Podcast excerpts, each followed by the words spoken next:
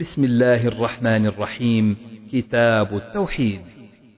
باب ما جاء في دعاء النبي صلى الله عليه وسلم أمته إلى توحيد الله تبارك وتعالى. حدثنا أبو عاصم حدثنا زكريا بن إسحاق عن يحيى بن عبد الله بن صيفي عن أبي معبد عن ابن عباس رضي الله عنهما أن النبي صلى الله عليه وسلم بعث معاذا إلى اليمن.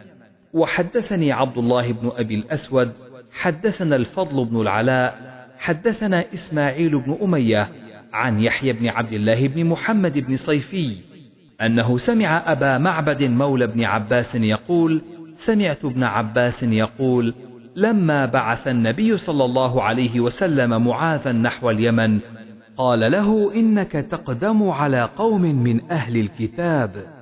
فليكن أول ما تدعوهم إلى أن يوحدوا الله تعالى. فإذا عرفوا ذلك فأخبرهم أن الله قد فرض عليهم خمس صلوات في يومهم وليلتهم. فإذا صلوا فأخبرهم أن الله افترض عليهم زكاة في أموالهم تؤخذ من غنيهم فترد على فقيرهم. فإذا أقروا بذلك فخذ منهم وتوق كرائم أموال الناس. حدثنا محمد بن بشار حدثنا غندر حدثنا شعبة عن أبي حصين والأشعث بن سليم. سمع الأسود بن هلال عن معاذ بن جبل قال قال النبي صلى الله عليه وسلم يا معاذ أتدري ما حق الله على العباد؟ قال الله ورسوله أعلم. قال أن يعبدوه ولا يشركوا به شيئا. أتدري ما حقهم عليه؟ قال الله ورسوله أعلم. قال ألا يعذبهم. حدثني إسماعيل حدثني مالك عن عبد الرحمن بن عبد الله بن عبد الرحمن بن أبي صعصعة عن أبيه عن أبي سعيد الخدري أن رجلا سمع رجلا يقرأ قل هو الله أحد يرددها. فلما أصبح جاء إلى النبي صلى الله عليه وسلم فذكر له ذلك وكأن الرجل يتقالها. فقال رسول الله صلى الله عليه وسلم والذي نفسي بيده إنها لتعدل ثلث القرآن. زاد إسماعيل بن جعفر عن مالك عن عبد الرحمن عن أبيه عن أبي سعيد أخبرني أخي قتادة بن النعمان عن النبي صلى الله عليه وسلم.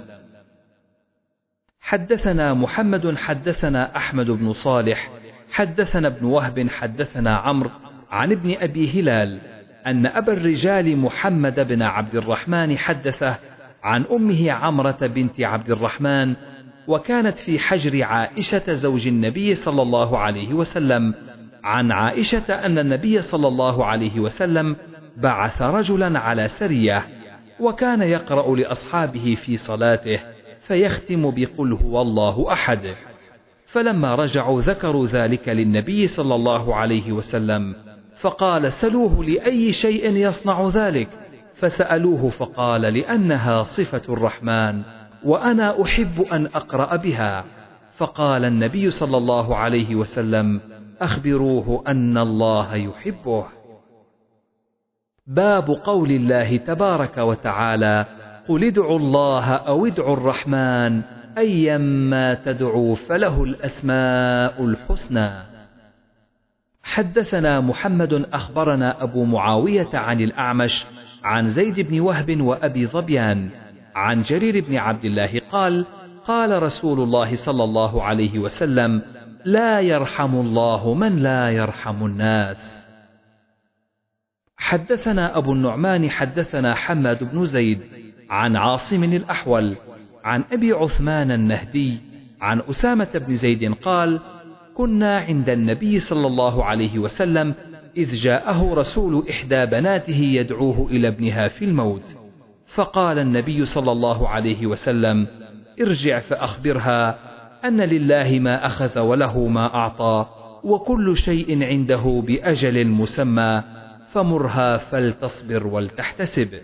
فأعادت الرسول أنها أقسمت لتأتينها فقام النبي صلى الله عليه وسلم وقام معه سعد بن عبادة ومعاذ بن جبل فدفع الصبي إليه ونفسه تقعقع كأنها في شن ففاضت عيناه فقال له سعد يا رسول الله قال هذه رحمة جعلها الله في قلوب عباده وإنما يرحم الله من عباده الرحماء. باب قول الله تعالى أنا الرزاق ذو القوة المتين. حدثنا عبدان عن أبي حمزة عن الأعمش عن سعيد بن جبير عن أبي عبد الرحمن السلمي عن أبي موسى الأشعري قال قال النبي صلى الله عليه وسلم ما أحد أصبر على أذى سمعه من الله يدعون له الولد ثم يعافيهم ويرزقهم. قول الله تعالى عالم الغيب فلا يظهر على غيبه أحدا. وإن الله عنده علم الساعة وأنزله بعلمه وما تحمل من أنثى ولا تضع إلا بعلمه إليه يرد علم الساعة. قال يحيى الظاهر على كل شيء علما والباطن على كل شيء علما. حدثنا خالد بن مخلد حدثنا سليمان بن بلال حدثني عبد الله بن دينار عن ابن عمر رضي الله عنهما عن النبي صلى الله عليه وسلم قال مفاتيح الغيب خمس لا يعلمها إلا الله لا يعلم ما تغيض الأرحام إلا الله ولا يعلم ما في غد إلا الله ولا يعلم متى يأتي المطر أحد إلا الله ولا تدري نفس بأي أرض تموت إلا الله. ولا يعلم متى تقوم الساعة إلا الله. حدثنا محمد بن يوسف حدثنا سفيان عن إسماعيل عن الشعبي عن مسروق عن عائشة رضي الله عنها قالت من حدثك أن محمدا صلى الله عليه وسلم رأى ربه فقد كذب وهو يقول لا تدركه الأبصار ومن حدثك أنه يعلم الغيب فقد كذب وهو يقول لا يعلم الغيب إلا الله. قول الله تعالى السلام المؤمن. حدثنا أحمد بن يونس حدثنا زهير حدثنا مغيرة حدثنا شفيق بن سلمة. قال قال عبد الله كنا نصلي خلف النبي صلى الله عليه وسلم فنقول السلام على الله.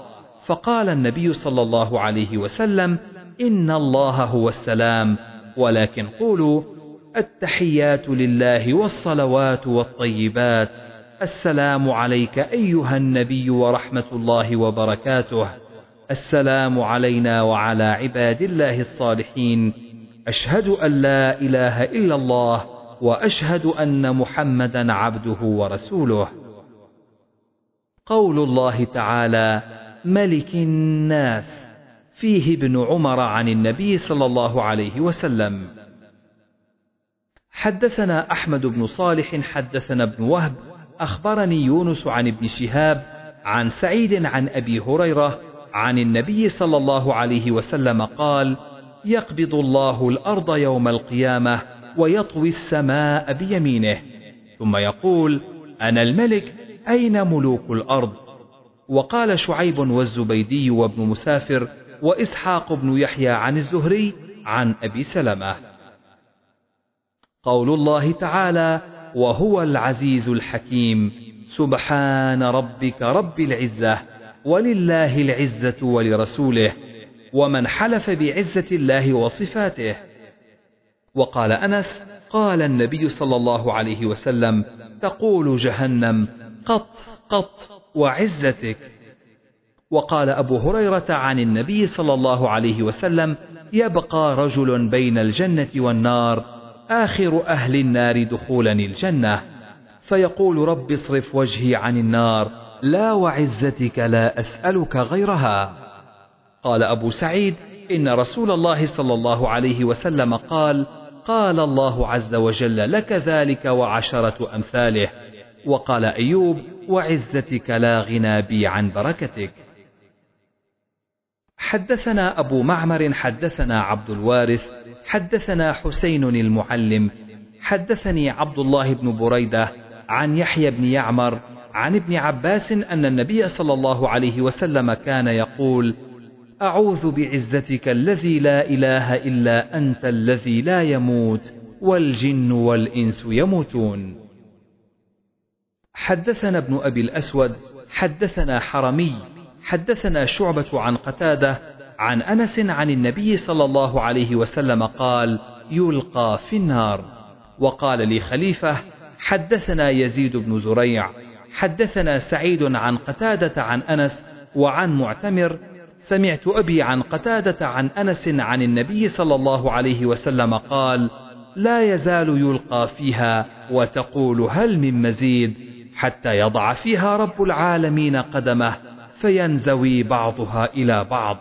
ثم تقول قد قد بعزتك وكرمك ولا تزال الجنة تفضل حتى ينشئ الله لها خلقا فيسكنهم فضل الجنة. قول الله تعالى وهو الذي خلق السماوات والأرض بالحق. حدثنا قبيصة حدثنا سفيان عن ابن جريج عن سليمان عن طاووس عن ابن عباس رضي الله عنهما قال كان النبي صلى الله عليه وسلم يدعو من الليل اللهم لك الحمد أنت رب السماوات والأرض لك الحمد أنت قيم السماوات والأرض ومن فيهن لك الحمد أنت نور السماوات والأرض قولك الحق ووعدك الحق ولقاؤك حق والجنة حق والنار حق والساعة حق اللهم لك أسلمت وبك آمنت وعليك توكلت وإليك أنبت وبك خاصمت وإليك حاكمت فاغفر لي ما قدمت وما أخرت وأسررت وأعلنت أنت إلهي لا إله غيرك. حدثنا ثابت بن محمد حدثنا سفيان بهذا وقال أنت الحق وقولك الحق. قول الله تعالى وكان الله سميعا بصيرا. وقال الأعمش عن تميم عن عروة عن عائشة قالت الحمد لله الذي وسع سمعه الأصوات فأنزل الله تعالى على النبي صلى الله عليه وسلم قد سمع الله قول التي تجادلك في زوجها. حدثنا سليمان بن حرب حدثنا حماد بن زيد عن أيوب عن أبي عثمان عن أبي موسى قال كنا مع النبي صلى الله عليه وسلم في سفر فكنا إذا علونا كبرنا فقال اربعوا على أنفسكم فإنكم لا تدعون أصم ولا غائبا تدعون سميعا بصيرا قريبا. ثم أتى علي وأنا أقول في نفسي لا حول ولا قوة إلا بالله. فقال لي يا عبد الله بن قيس قل لا حول ولا قوة إلا بالله. فإنها كنز من كنوز الجنة أو قال ألا أدلك به؟ حدثنا يحيى بن سليمان حدثني ابن وهب أخبرني عمرو عن يزيد عن أبي الخير سمع عبد الله بن عمرو أن أبا بكر الصديق رضي الله عنه قال للنبي صلى الله عليه وسلم يا رسول الله علمني دعاء أدعو به في صلاتي. قال قل اللهم إني ظلمت نفسي ظلما كثيرا ولا يغفر الذنوب إلا أنت فاغفر لي من عندك مغفرة إنك أنت الغفور الرحيم. حدثنا عبد الله بن يوسف أخبرنا ابن وهب أخبرني يونس عن ابن شهاب حدثني عروة أن عائشة رضي الله عنها حدثته قال النبي صلى الله عليه وسلم إن جبريل عليه السلام ناداني قال إن الله قد سمع قول قومك وما ردوا عليك. قول الله تعالى قل هو القادر. حدثني إبراهيم بن المنذر حدثنا معن بن عيسى حدثني عبد الرحمن بن أبي الموالي. قال سمعت محمد بن المنكدر يحدث عبد الله بن الحسن يقول أخبرني جابر بن عبد الله السلمي. قال كان رسول الله صلى الله عليه وسلم يعلم أصحابه الاستخارة في الأمور كلها كما يعلم السورة من القرآن. يقول إذا هم أحدكم بالأمر فليركع ركعتين من غير الفريضة ثم ليقل اللهم إني أستخيرك بعلمك وأستقدرك بقدرتك وأسألك من فضلك فإنك تقدر ولا أقدر. وتعلم ولا أعلم وأنت علام الغيوب. اللهم فإن كنت تعلم هذا الأمر ثم يسميه بعينه خيرا لي في عاجل أمري وآجله. قال أو في ديني ومعاشي وعاقبة أمري. فاقدره لي ويسره لي ثم بارك لي فيه. اللهم وإن كنت تعلم أنه شر لي في ديني ومعاشي وعاقبة أمري أو قال في عاجل أمري وآجله فاصرفني عنه واقدر لي الخير حيث كان ثم ردني به. مقلب القلوب وقول الله تعالى ونقلب أفئدتهم وأبصارهم. حدثني سعيد بن سليمان عن ابن المبارك عن موسى بن عقبة عن سالم عن عبد الله قال أكثر ما كان النبي صلى الله عليه وسلم يحلف لا ومقلب القلوب. إن لله مئة اسم إلا واحدا قال ابن عباس ذو الجلال العظمة البر اللطيف. حدثنا أبو اليمان أخبرنا شعيب حدثنا أبو الزناد عن الأعرج عن أبي هريرة أن رسول الله صلى الله عليه وسلم قال إن لله تسعة وتسعين اسما مئة إلا واحدا من أحصاها دخل الجنة. أحصيناه حفظناه. السؤال بأسماء الله تعالى والاستعاذة بها. حدثنا عبد العزيز بن عبد الله حدثني مالك عن سعيد بن أبي سعيد المقبوري عن أبي هريرة عن النبي صلى الله عليه وسلم قال إذا جاء أحدكم فراشه فلينفضه بصنفة ثوبه ثلاث مرات وليقل باسمك ربي وضعت جنبي وبك أرفعه إن أمسكت نفسي فاغفر لها وإن أرسلتها فاحفظها بما تحفظ به عبادك الصالحين. تابعه يحيى وبشر بن المفضل عن عبيد الله عن سعيد عن أبي هريرة عن النبي صلى الله عليه وسلم. وزاد زهير وأبو ضمرة وإسماعيل بن زكريا عن عبيد الله عن سعيد عن أبيه عن أبي هريرة عن النبي صلى الله عليه وسلم. ورواه ابن عجلان عن سعيد عن أبي هريرة عن النبي صلى الله عليه وسلم. تابعه محمد بن عبد الرحمن والدراوردي وأسامة بن حفص. حدثنا مسلم حدثنا شعبة عن عبد الملك عن ربعي عن حذيفة قال كان النبي صلى الله عليه وسلم إذا أوى إلى فراشه قال اللهم باسمك أحيا وأموت وإذا أصبح قال الحمد لله الذي أحيانا بعدما أماتنا وإليه النشور حدثنا سعد بن حفص حدثنا شيبان عن منصور عن ربعي بن حراش عن خرشة بن الحر عن أبي ذر قال كان النبي صلى الله عليه وسلم إذا أخذ مضجعه من الليل قال باسمك نموت ونحيا. فإذا استيقظ قال الحمد لله الذي أحيانا بعدما أماتنا وإليه النشور. حدثنا قتيبة بن سعيد حدثنا جرير عن منصور عن سالم عن كريب عن ابن عباس رضي الله عنهما قال قال رسول الله صلى الله عليه وسلم لو أن أحدكم إذا أراد أن يأتي أهله فقال بسم الله اللهم جنبنا الشيطان وجنب الشيطان ما رزقتنا فإنه إن يقدر بينهما ولد في ذلك لم يضره شيطان أبدا.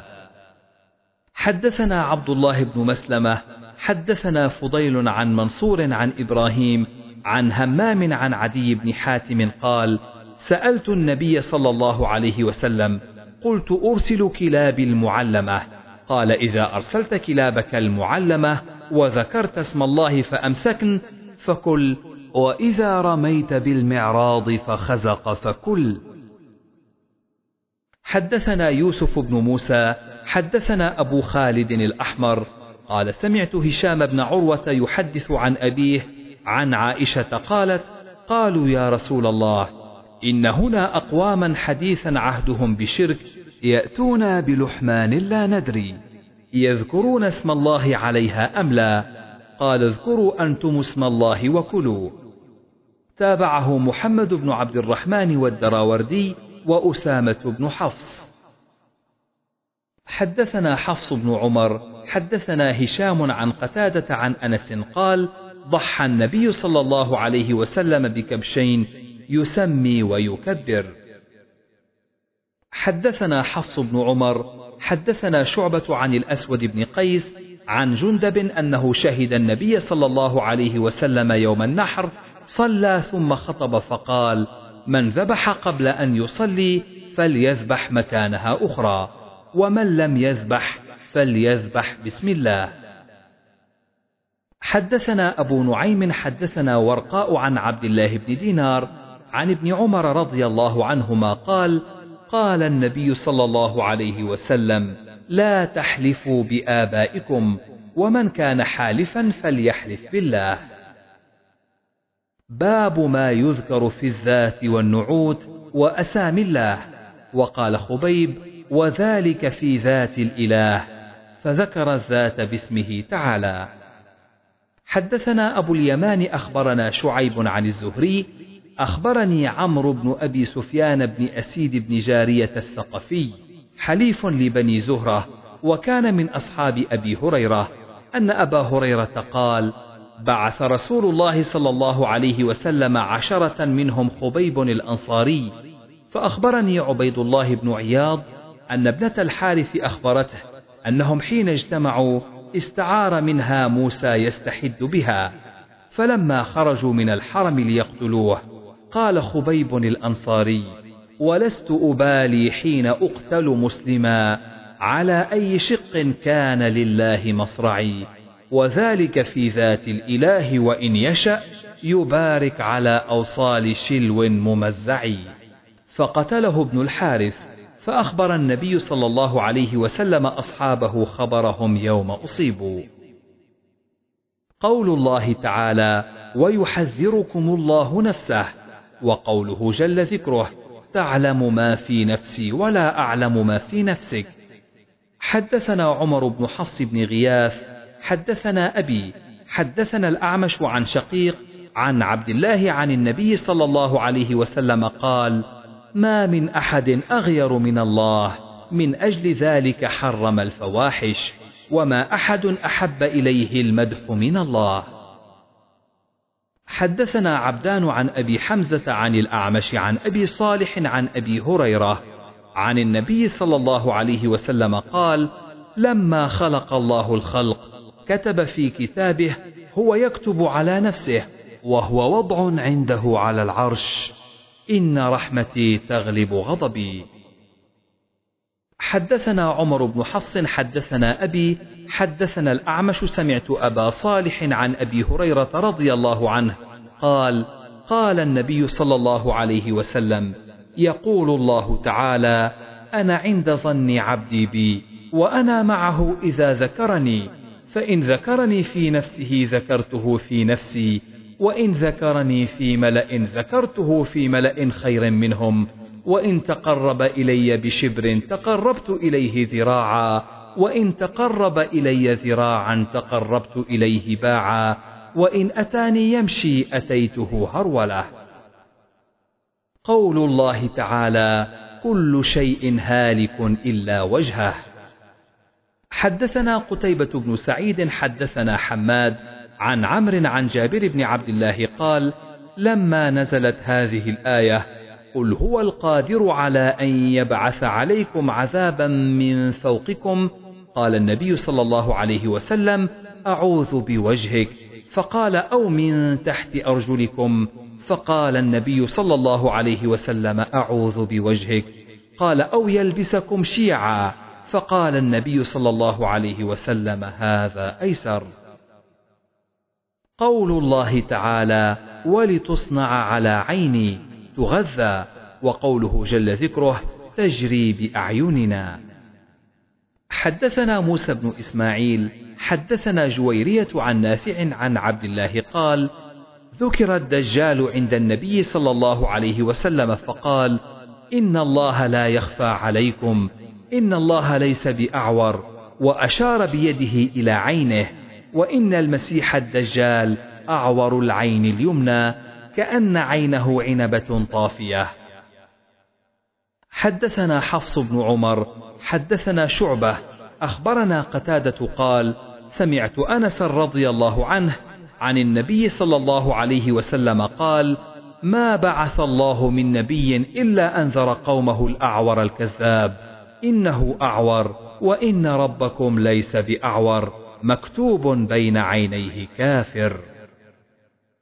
هو الله الخالق البارئ المصور. حدثنا إسحاق حدثنا عفان حدثنا وهيب حدثنا موسى هو ابن عقبة. حدثني محمد بن يحيى بن حبان عن ابن محيريز عن أبي سعيد الخدري في غزوة بني المصطلق أنهم أصابوا سبايا فأرادوا أن يستمتعوا بهن ولا يحملن. فسألوا النبي صلى الله عليه وسلم عن العزل فقال ما عليكم ألا تفعلوا؟ فإن الله قد كتب من هو خالق إلى يوم القيامة. وقال مجاهد عن قزعة سمعت أبا سعيد فقال قال النبي صلى الله عليه وسلم ليست نفس مخلوقة إلا الله خالقها. قول الله تعالى لما خلقت بيدي. حدثني معاذ بن فضالة حدثنا هشام عن قتادة عن أنس أن النبي صلى الله عليه وسلم قال يجمع الله المؤمنين يوم القيامة كذلك فيقولون لو استشفعنا إلى ربنا حتى يريحنا من مكاننا هذا. فيأتون آدم فيقولون يا آدم أما ترى الناس خلقك الله بيده وأسجد لك ملائكته وعلمك أسماء كل شيء شفع لنا إلى ربنا حتى يريحنا من مكاننا هذا. فيقول لست هناك ويذكر لهم خطيئته التي أصاب ولكن ائتوا نوحا فإنه أول رسول بعثه الله إلى أهل الأرض. فيأتون نوحا فيقول لست هناكم ويذكر خطيئته التي أصاب ولكن ائتوا إبراهيم خليل الرحمن. فيأتون إبراهيم فيقول لست هناكم ويذكر لهم خطاياه التي أصابها.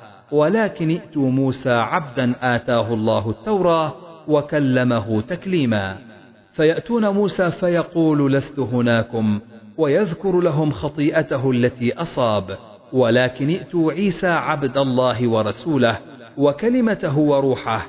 فيأتون عيسى فيقول لست هناكم ولكن ائتوا محمدا صلى الله عليه وسلم عبدا غفر له ما تقدم من ذنبه وما تأخر. فيأتوني فأنطلق فأستأذن على ربي فيؤذن لي عليه. فإذا رأيت ربي وقعت له ساجدا فيدعني ما شاء الله أن يدعني. ثم يقال لي ارفع محمد وقل يسمع وسل تعطه واشفع تشفع. فأحمد ربي بمحامد علمنيها ثم أشفع. فيحد لي حدا فأدخلهم الجنة. ثم أرجع فإذا رأيت ربي وقعت ساجدا فيدعني ما شاء الله أن يدعني ثم يقال ارفع محمد وقل يسمع وسل تعطه واشفع تشفع. فأحمد ربي بمحامد علمنيها ربي ثم أشفع فيحد لي حدا فأدخلهم الجنة. ثم أرجع فإذا رأيت ربي وقعت ساجدا فيدعني ما شاء الله أن يدعني ثم يقال ارفع محمد قل يسمع وسل تعطه واشفع تشفع فأحمد ربي بمحامد علمنيها ثم أشفع فيحد لي حدا فأدخلهم الجنة ثم أرجع فأقول يا رب ما بقي في النار إلا من حبسه القرآن ووجب عليه الخلود قال النبي صلى الله عليه وسلم يخرج من النار من قال لا إله إلا الله وكان في قلبه من الخير ما يزن شعيره. ثم يخرج من النار من قال لا إله إلا الله وكان في قلبه من الخير ما يزن بره. ثم يخرج من النار من قال لا إله إلا الله وكان في قلبه ما يزن من الخير ذرة.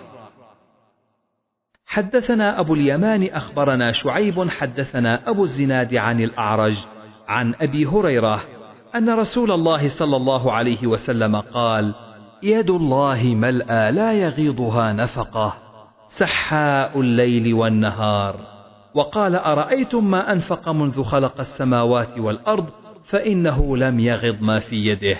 وقال عرشه على الماء وبيده الأخرى الميزان يخفض ويرفع. حدثنا مقدم بن محمد قال حدثني عمي القاسم بن يحيى عن عبيد الله عن نافع عن ابن عمر رضي الله عنهما عن رسول الله صلى الله عليه وسلم أنه قال إن الله يقبض يوم القيامة الأرض وتكون السماوات بيمينه ثم يقول أنا الملك رواه سعيد عن مالك. وقال عمر بن حمزة سمعت سالما سمعت ابن عمر عن النبي صلى الله عليه وسلم بهذا. وقال أبو اليمان أخبرنا شعيب عن الزهري أخبرني أبو سلمة أن أبا هريرة قال قال رسول الله صلى الله عليه وسلم يقبض الله الأرض. حدثنا مسدد سمع يحيى بن سعيد عن سفيان حدثني منصور وسليمان عن إبراهيم عن عبيدة عن عبد الله أن يهوديا جاء إلى النبي صلى الله عليه وسلم فقال يا محمد إن الله يمسك السماوات على إصبع والارضين على إصبع والجبال على إصبع والشجر على إصبع والخلائق على إصبع. ثم يقول أنا الملك فضحك رسول الله صلى الله عليه وسلم حتى بدت نواجذه ثم قرأ وما قدر الله حق قدره قال يحيى بن سعيد وزاد فيه فضيل بن عياض عن منصور عن إبراهيم عن عبيدة عن عبد الله فضحك رسول الله صلى الله عليه وسلم تعجبا وتصديقا له. حدثنا عمر بن حفص بن غياث حدثنا أبي حدثنا الأعمش سمعت إبراهيم قال سمعت علقمة يقول قال عبد الله جاء رجل إلى النبي صلى الله عليه وسلم من أهل الكتاب فقال يا أبا القاسم إن الله يمسك السماوات على إصبع والأرضين على إصبع والشجر والثرى على إصبع والخلائق على إصبع. ثم يقول أنا الملك أنا الملك. فرأيت النبي صلى الله عليه وسلم ضحك حتى بدت نواجذه. ثم قرأ وما قدر الله حق قدره. قول النبي صلى الله عليه وسلم لا شخص أغير من الله. وقال عبيد الله بن عمرو عن عبد الملك لا شخص أغير من الله.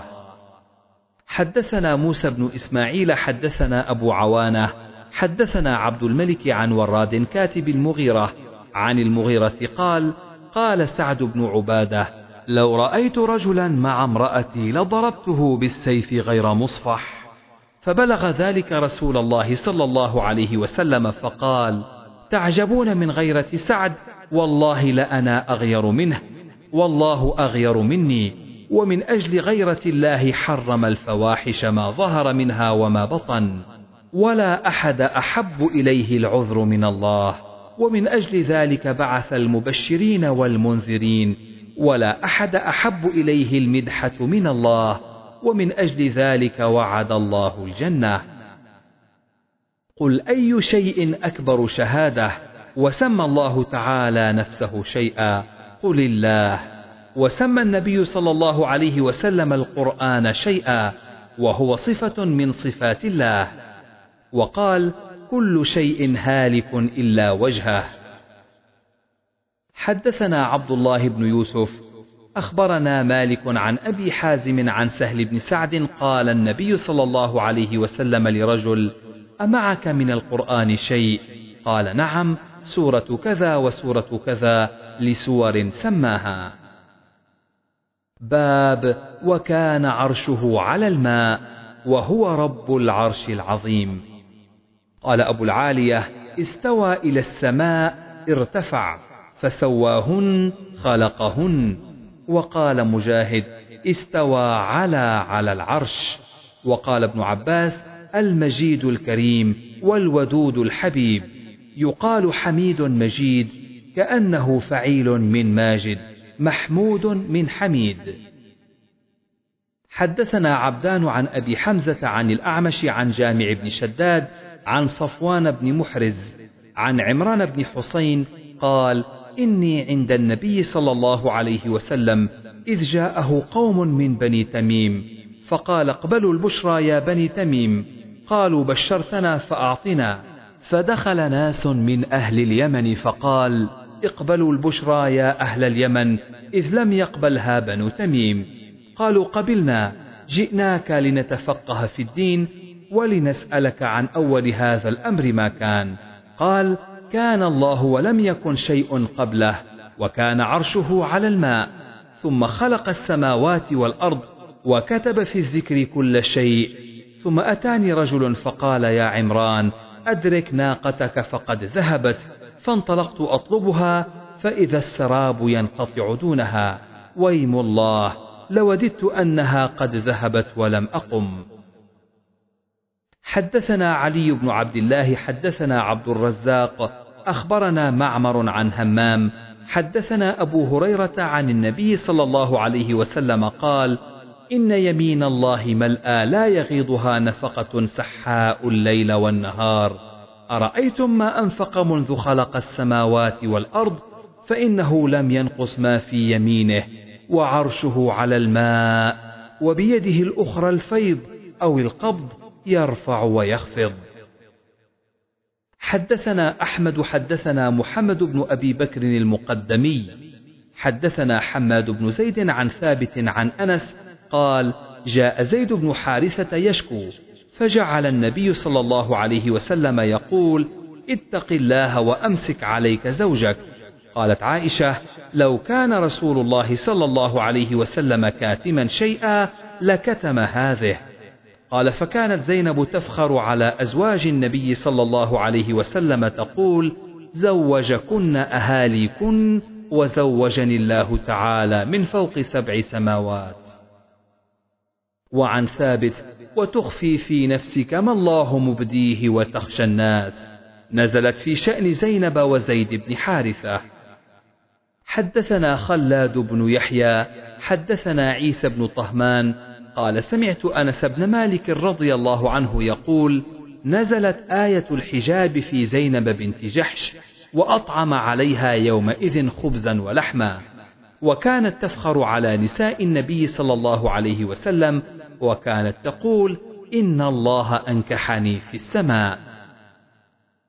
حدثنا أبو اليمان أخبرنا شعيب حدثنا أبو الزناد عن الأعرج عن أبي هريرة عن النبي صلى الله عليه وسلم قال إن الله لما قضى الخلق كتب عنده فوق عرشه إن رحمتي سبقت غضبي.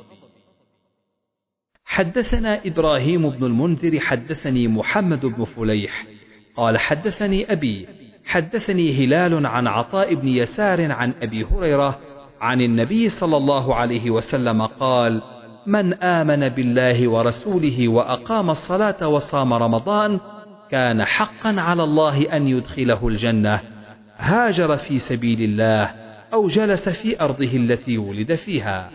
قالوا يا رسول الله أفلا ننبئ الناس بذلك؟ قال إن في الجنة مئة درجة أعدها الله للمجاهدين في سبيله. كل درجتين ما بينهما كما بين السماء والأرض فإذا سألتم الله فسلوه الفردوس. فإنه أوسط الجنة أو أعلى الجنة وفوقه عرش الرحمن ومنه تفجر أنهار الجنة.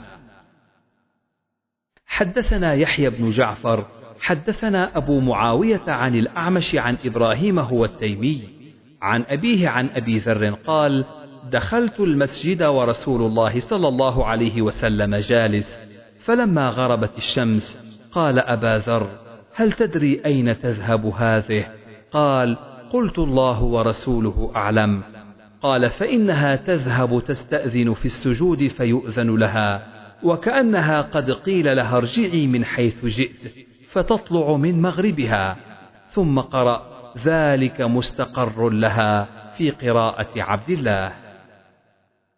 حدثنا موسى عن إبراهيم حدثنا ابن شهاب عن عبيد بن السباق أن زيد بن ثابت وقال الليث حدثني عبد الرحمن بن خالد عن ابن شهاب عن ابن السباق أن زيد بن ثابت حدثه قال أرسل إلي أبو بكر فتتبعت القرآن حتى وجدت آخر سورة التوبة مع أبي خزيمة الأنصاري لم أجدها مع أحد غيره.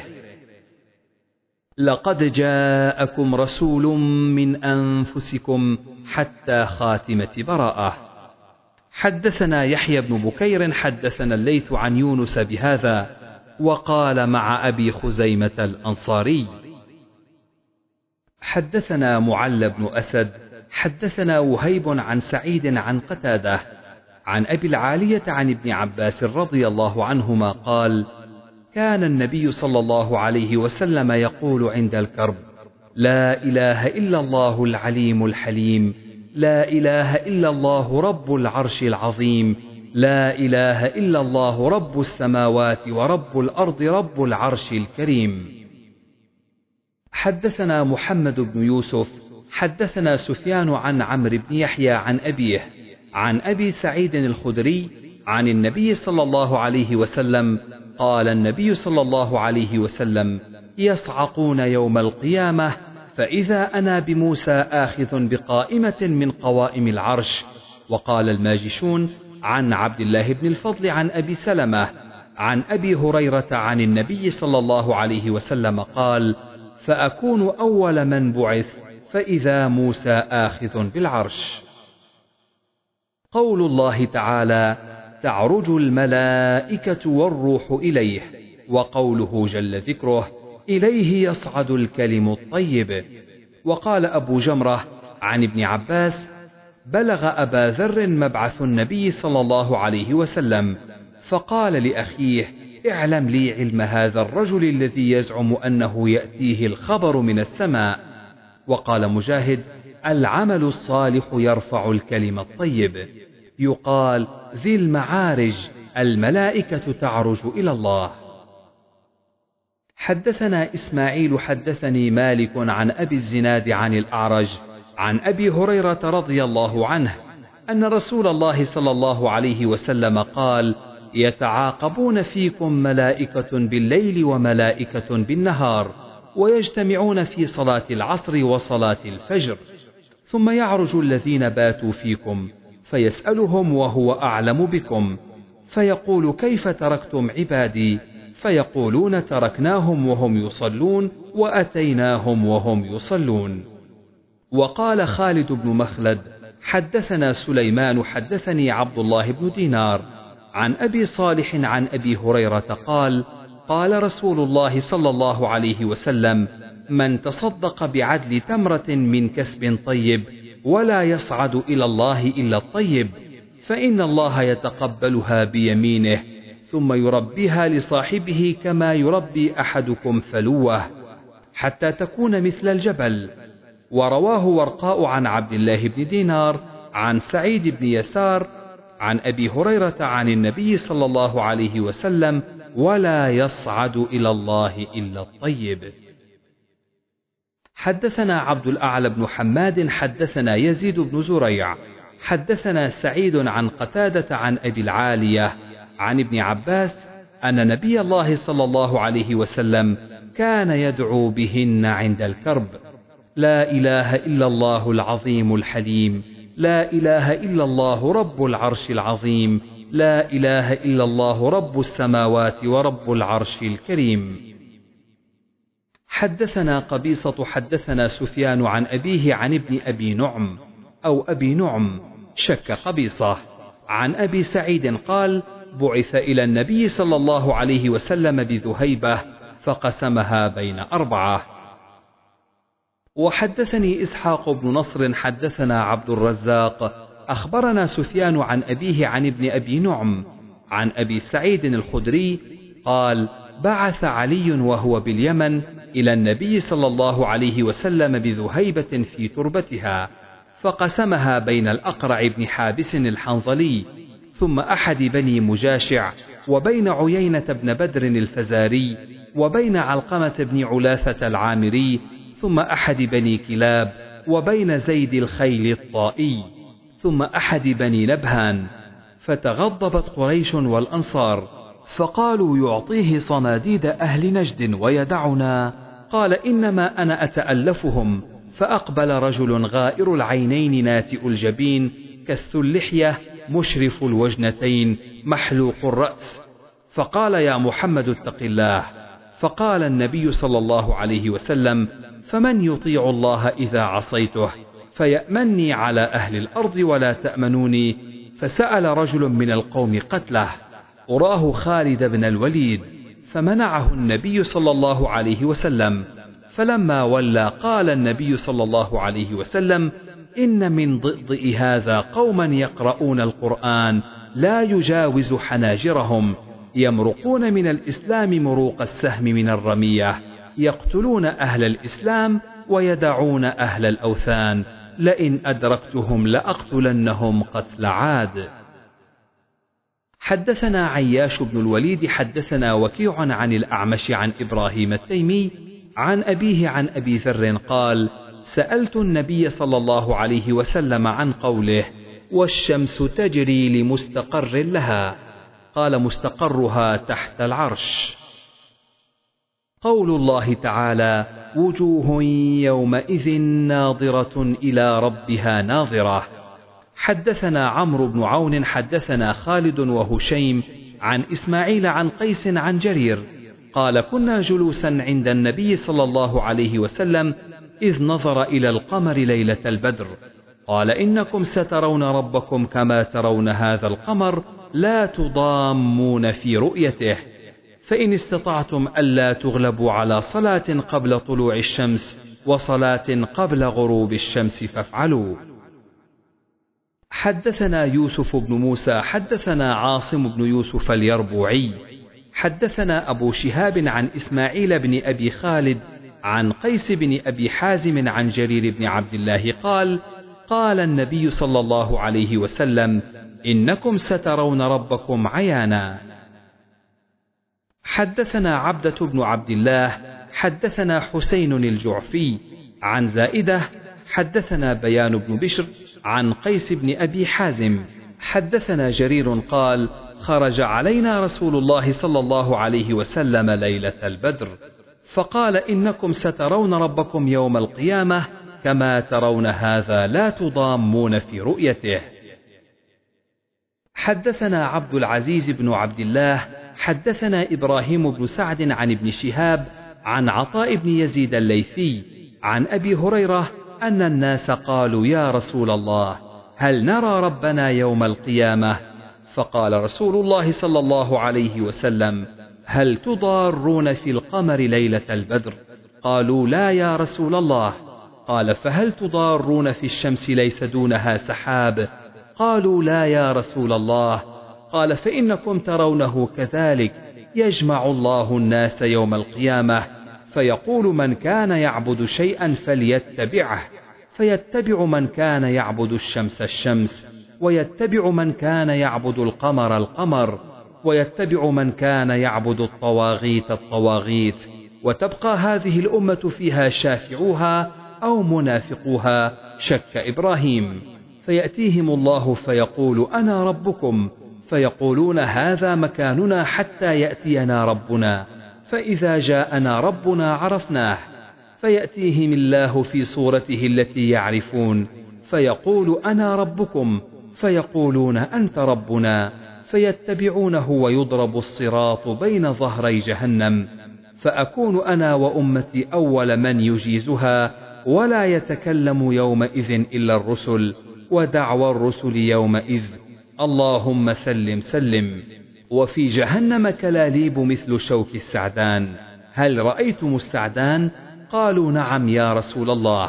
قال فإنها مثل شوك السعدان غير أنه لا يعلم ما قدر عظمها إلا الله.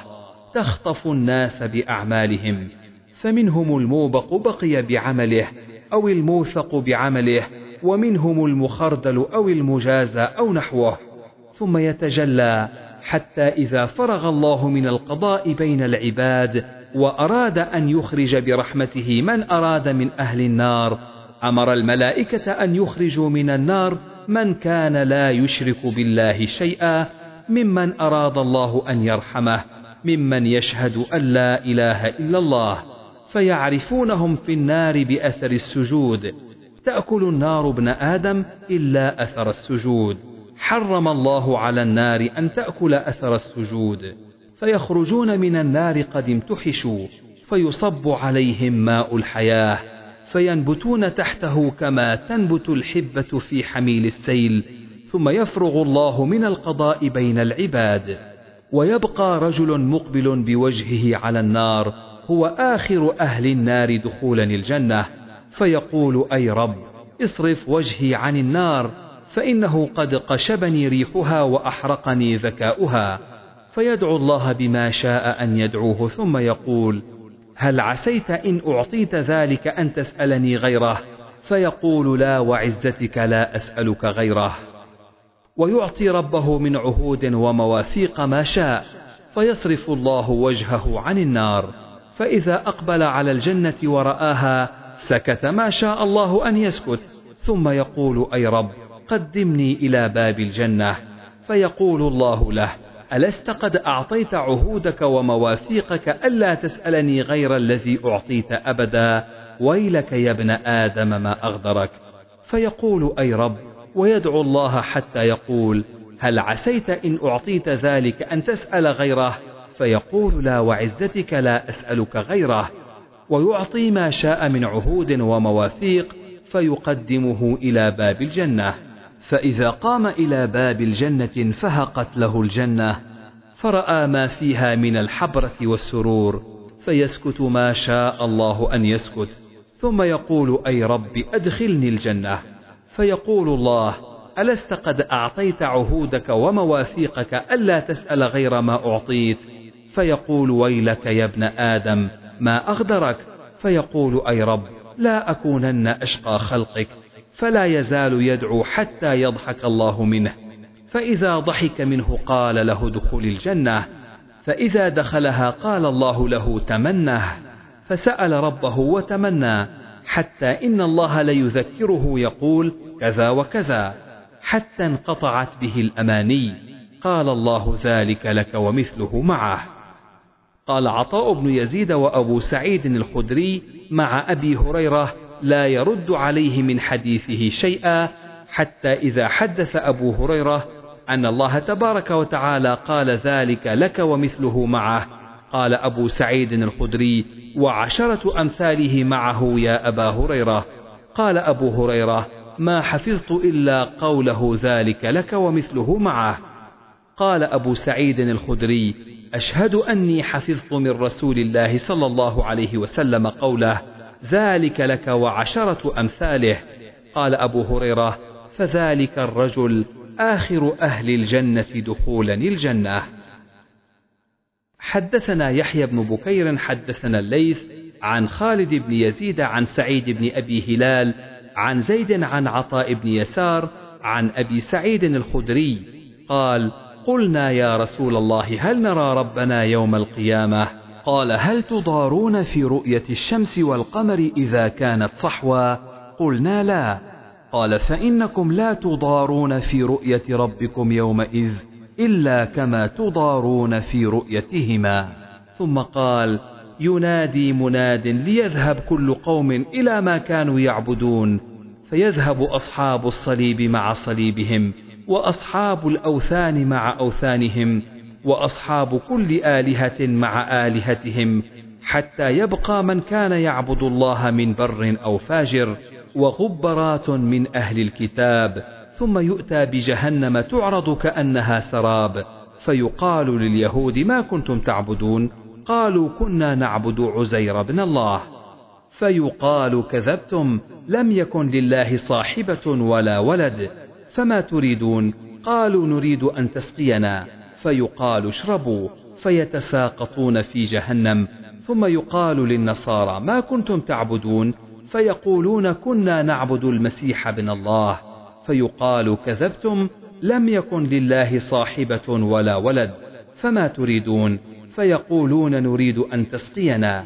فيقال اشربوا فيتساقطون حتى يبقى من كان يعبد الله من بر أو فاجر. فيقال لهم ما يحبسكم وقد ذهب الناس؟ فيقولون فارقناهم ونحن أحوج منا إليه اليوم. وإنا سمعنا مناديا ينادي ليلحق كل قوم بما كانوا يعبدون. وإنما ننتظر ربنا. قال فيأتيهم الجبار فيقول أنا ربكم. فيقولون أنت ربنا. فلا يكلمه إلا الأنبياء. فيقول هل بينكم وبينه آية تعرفونها؟ فيقولون الساق. فيكشف عن ساقه فيسجد له كل مؤمن ويبقى من كان يسجد لله رياء وسمعة. فيذهب كيما يسجد فيعود ظهره طبقا واحدا. ثم يؤتى بالجسر فيجعل بين ظهري جهنم. قلنا يا رسول الله وما الجسر؟ قال مدحضة مزلة. عليه خطاطيف وكلاليب وحسكة مفلطحة لها شوكة عقيفاء تكون بنجد يقال لها السعدان المؤمن عليها كالطرف وكالبرق وكالريح وكأجاويد الخيل والركاب. فناج مسلم وناج مخدوش ومكدوس في نار جهنم حتى يمر آخرهم يسحب سحبا. فما أنتم بأشد لي مناشدة في الحق قد تبين لكم من المؤمن يومئذ للجبار. وإذا رأوا أنهم قد نجوا في إخوانهم يقولون ربنا إخواننا كانوا يصلون معنا ويصومون معنا ويعملون معنا. فيقول الله تعالى اذهبوا فمن وجدتم في قلبه مثقال دينار من إيمان فأخرجوه ويحرم الله صورهم على النار. فيأتونهم وبعضهم قد غاب في النار إلى قدمه وإلى أنصاف ساقيه. فيخرجون من عرفوا ثم يعودون فيقول اذهبوا فمن وجدتم في قلبه مثقال نصف دينار فأخرجوه.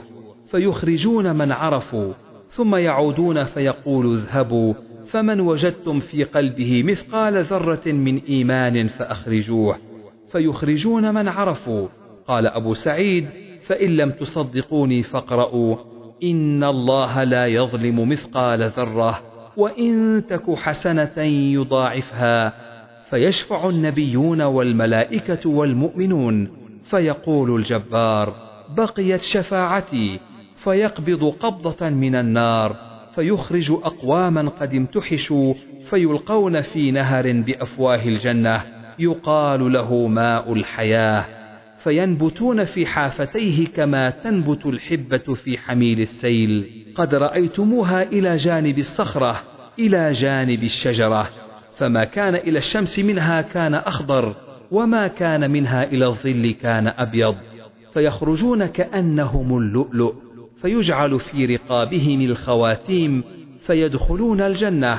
فيقول أهل الجنة هؤلاء عتقاء الرحمن أدخلهم الجنة بغير عمل عملوه ولا خير قدموه فيقال لهم لكم ما رأيتم ومثله معه. وقال حجاج بن منهال حدثنا همام بن يحيى حدثنا قتادة عن أنس رضي الله عنه أن النبي صلى الله عليه وسلم قال يحبس المؤمنون يوم القيامة حتى يهموا بذلك فيقولون لو استشفعنا إلى ربنا فيريحنا من مكاننا. فيأتون آدم فيقولون أنت آدم أبو الناس خلقك الله بيده وأسكنك جنته وأسجد لك ملائكته وعلمك أسماء كل شيء. لتشفع لنا عند ربك حتى يريحنا من مكاننا هذا. قال فيقول لست هناكم. قال ويذكر خطيئته التي أصاب أكله من الشجرة وقد نهي عنها ولكن ائتوا نوحا أول نبي بعثه الله إلى أهل الأرض فيأتون نوحا فيقول لست هناكم ويذكر خطيئته التي أصاب سؤاله ربه بغير علم ولكن ائتوا إبراهيم خليل الرحمن قال فيأتون إبراهيم فيقول إني لست هناكم ويذكر ثلاث كلمات كذبهن ولكن ائتوا موسى عبدا آتاه الله التوراة وكلمه وقربه نجيا. قال فيأتون موسى فيقول إني لست هناكم ويذكر خطيئته التي أصاب قتله النفس ولكن ائتوا عيسى عبد الله ورسوله وروح الله وكلمته. قال فيأتون عيسى فيقول لست هناكم ولكن ائتوا محمدا صلى الله عليه وسلم عبدا غفر الله له ما تقدم من ذنبه وما تأخر. فيأتون فأستأذن على ربي في داره فيؤذن لي عليه. فإذا رأيته وقعت ساجدا فيدعني ما شاء الله أن يدعني. فيقول ارفع محمد وقل يسمع واشفع تشفع وسل تعط. قال فأرفع رأسي فأثني على ربي بثناء وتحميد يعلمنيه. فيحد لي حدا فأخرج فأدخلهم الجنة. قال قتادة وسمعته أيضا يقول فأخرج فأخرجهم من النار وأدخلهم الجنة. ثم أعود فأستأذن على ربي في داره فيؤذن لي عليه.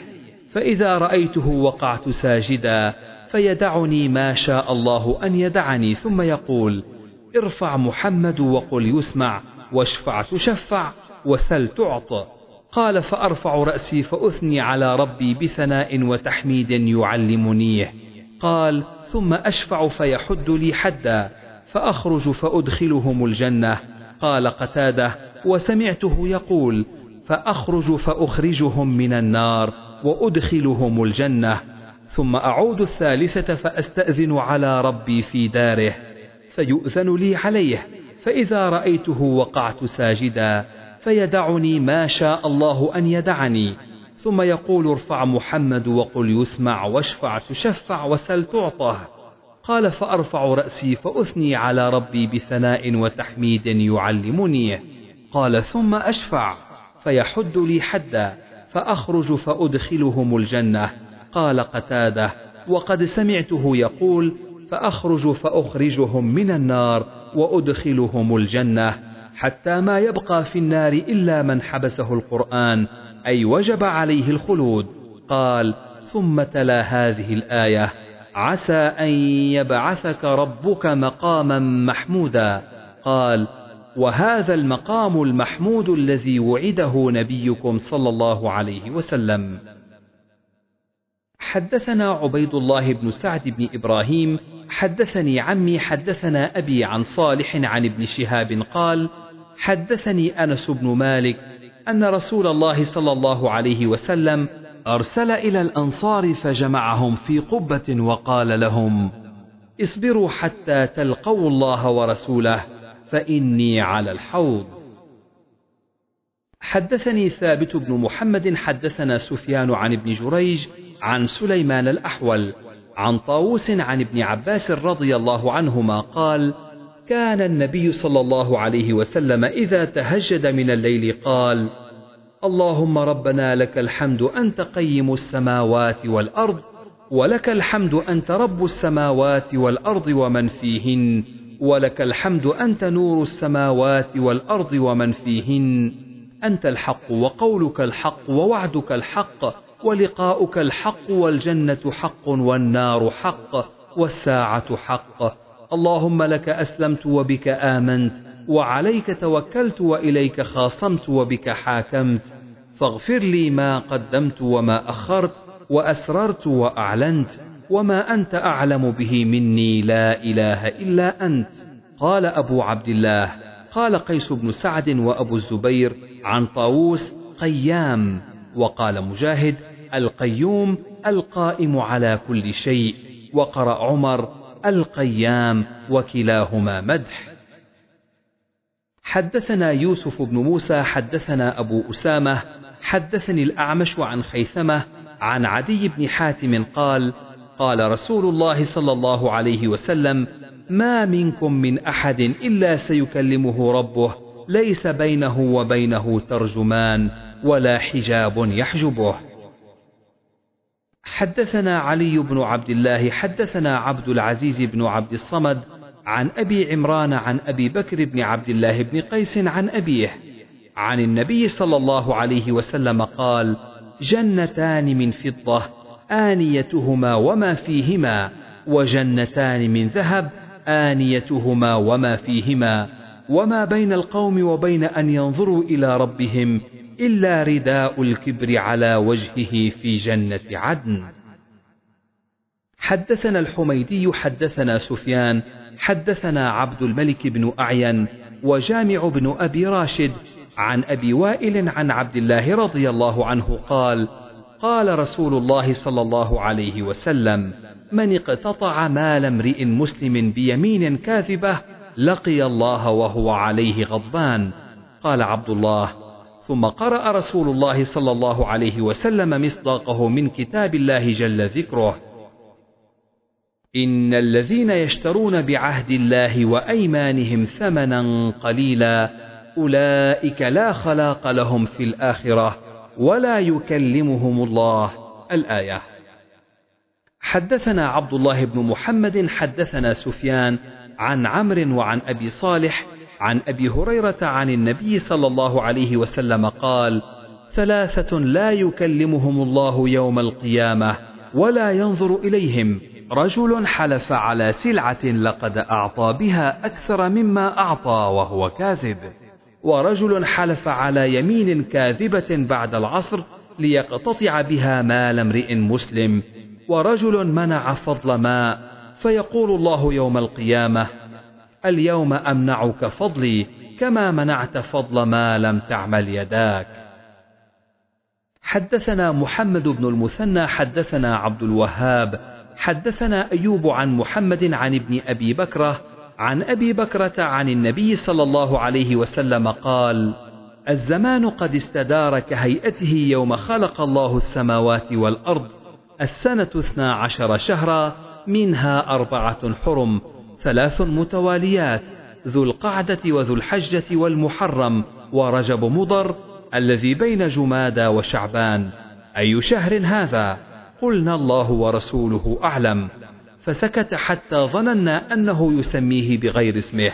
قال أليس ذا الحجة؟ قلنا بلى. قال أي بلد هذا؟ قلنا الله ورسوله أعلم.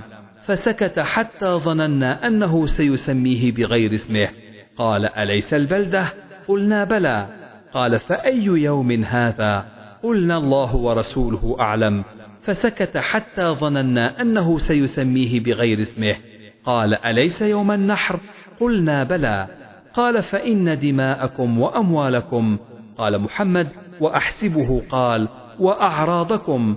عليكم حرام. كحرمة يومكم هذا في بلدكم هذا في شهركم هذا. وستلقون ربكم فيسألكم عن أعمالكم. ألا فلا ترجعوا بعدي ضلالا يضرب بعضكم رقاب بعض. ألا ليبلغ الشاهد الغائب. فلعل بعض من يبلغه أن يكون أوعى من بعض من سمعه. فكان محمد إذا ذكره قال صدق النبي صلى الله عليه وسلم. ثم قال ألا هل بلغت؟ ألا هل بلغت؟ باب ما جاء في قول الله تعالى إن رحمة الله قريب من المحسنين.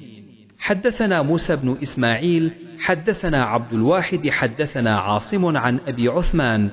عن أسامة قال كان ابن لبعض بنات النبي صلى الله عليه وسلم يقضي فأرسلت إليه أن يأتيها فأرسل إن لله ما أخذ وله ما أعطى وكل إلى أجل مسمى فلتصبر ولتحتسب. فأرسلت إليه فأقسمت عليه. فقام رسول الله صلى الله عليه وسلم وقمت معه ومعاذ بن جبل وأبي بن كعب وعبادة بن الصامت. فلما دخلنا ناولوا رسول الله صلى الله عليه وسلم الصبي ونفسه تقلقل في صدره. حسبته قال كأنها شنة. فبكى رسول الله صلى الله عليه وسلم فقال سعد بن عبادة أتبكي؟ فقال إنما يرحم الله من عباده الرحماء.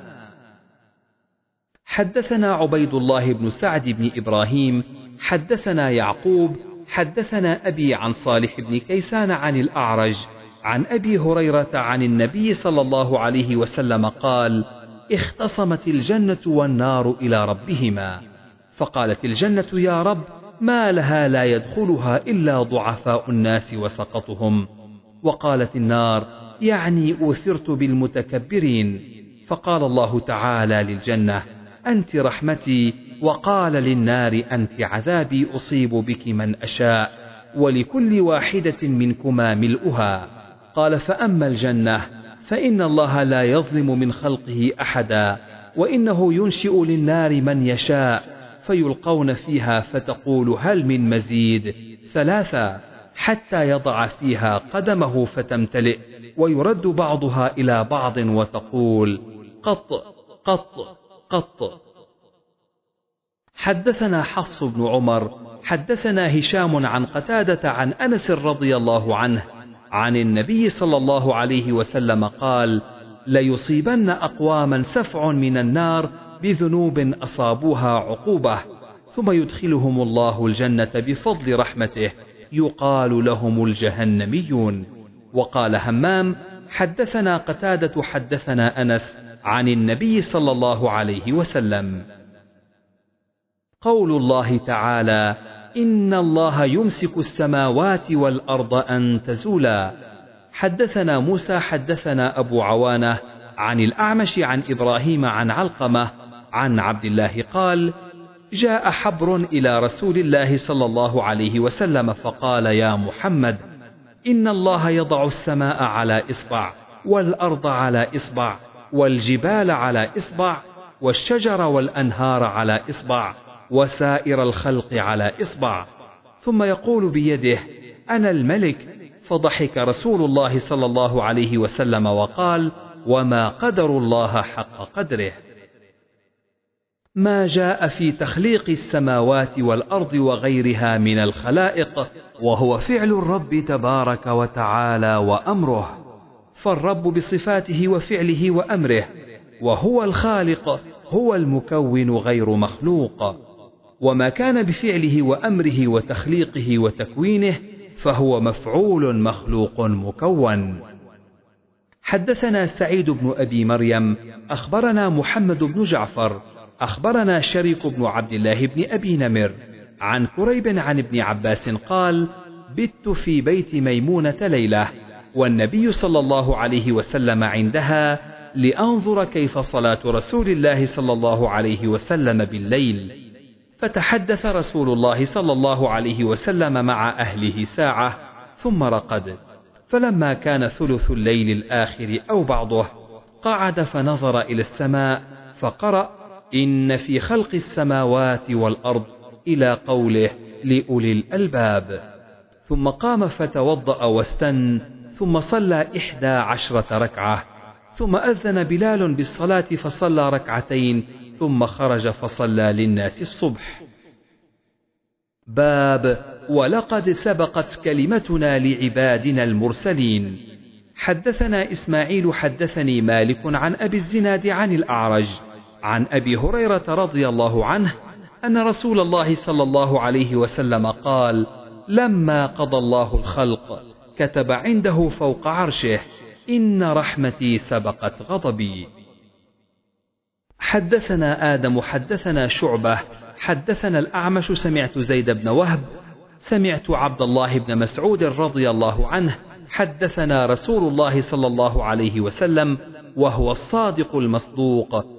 أن خلق أحدكم يجمع في بطن أمه أربعين يوما وأربعين ليلة ثم يكون علقة مثله ثم يكون مضغة مثله ثم يبعث إليه الملك فيؤذن بأربع كلمات فيكتب رزقه وأجله وعمله وشقي أم سعيد ثم ينفخ فيه الروح فإن أحدكم ليعمل بعمل أهل الجنة حتى لا يكون بينها وبينه إلا ذراع فيسبق عليه الكتاب فيعمل بعمل أهل النار فيدخل النار.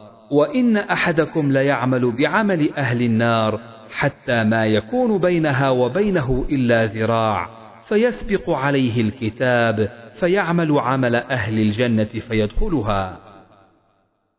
حدثنا خلاد بن يحيى حدثنا عمر بن ذر سمعت أبي يحدث عن سعيد بن جبير عن ابن عباس رضي الله عنهما أن النبي صلى الله عليه وسلم قال يا جبريل ما يمنعك أن تزورنا أكثر مما تزورنا؟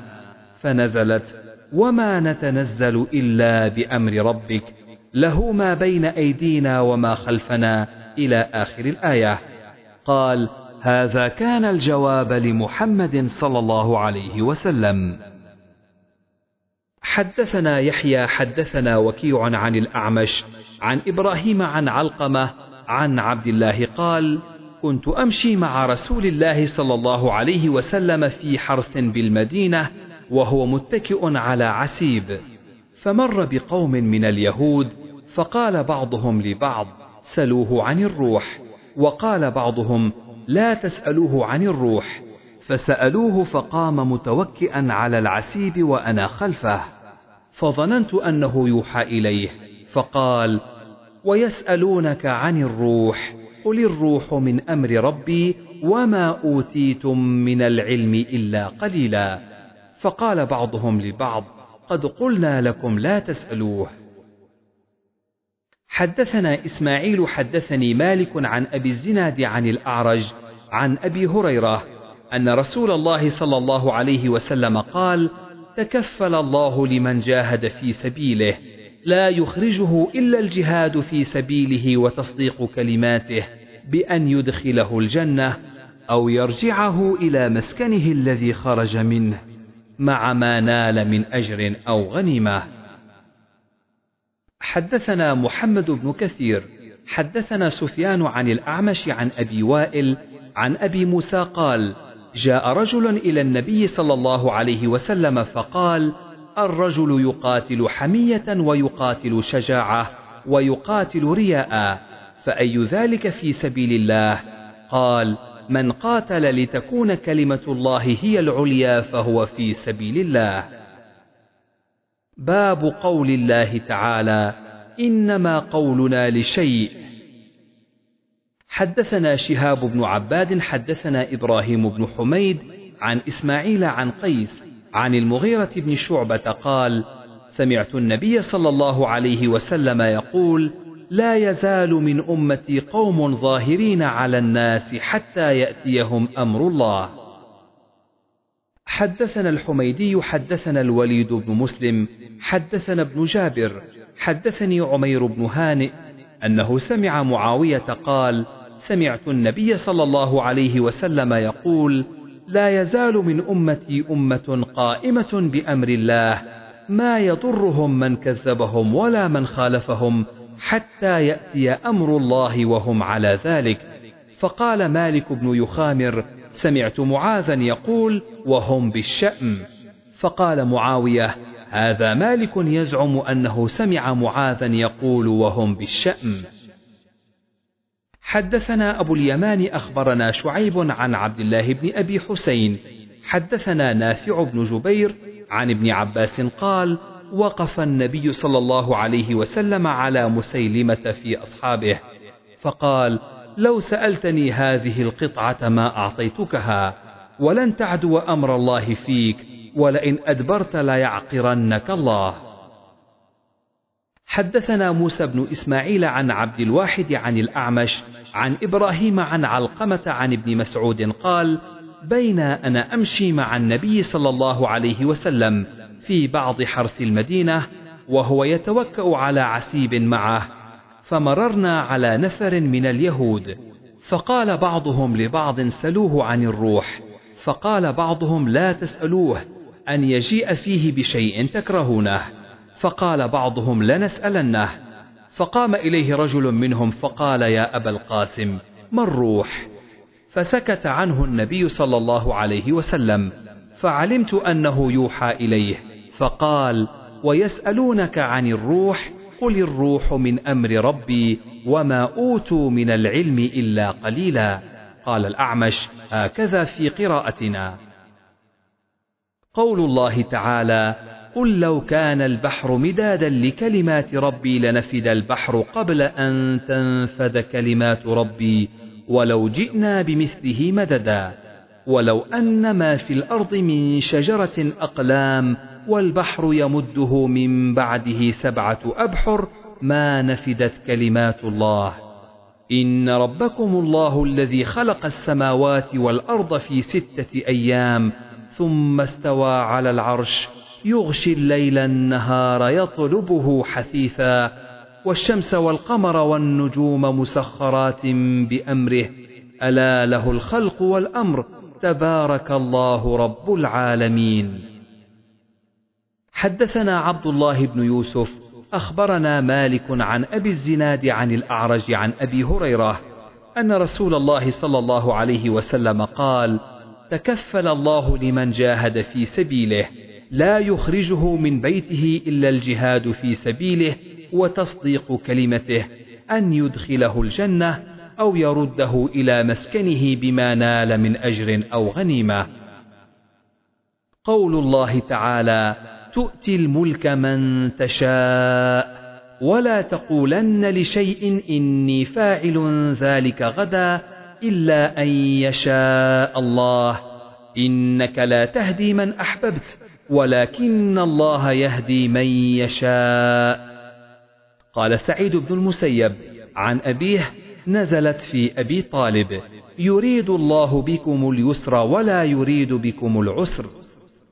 حدثنا مسدد حدثنا عبد الوارث عن عبد العزيز عن أنس قال قال رسول الله صلى الله عليه وسلم إذا دعوتم الله فاعزموا في الدعاء ولا يقولن أحدكم إن شئت فأعطني فإن الله لا مستكره له.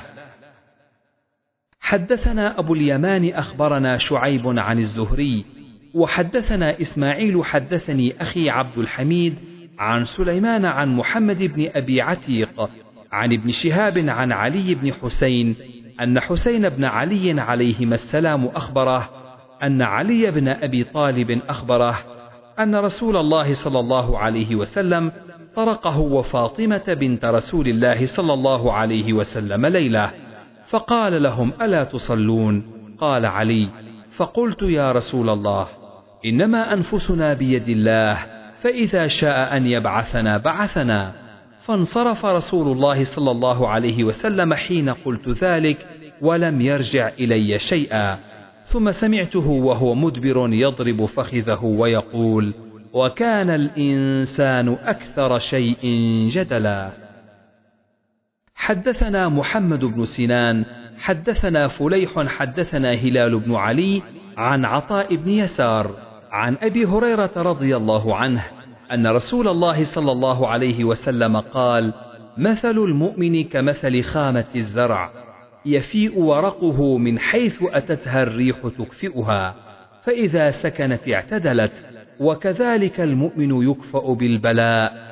ومثل الكافر كمثل الأرزه صماء معتدلة حتى يقسمها الله إذا شاء. حدثنا الحكم بن نافع أخبرنا شعيب عن الزهري أخبرني سالم بن عبد الله أن عبد الله بن عمر رضي الله عنهما قال سمعت رسول الله صلى الله عليه وسلم وهو قائم على المنبر. إنما بقاؤكم فيما سلف قبلكم من الأمم كما بين صلاة العصر إلى غروب الشمس.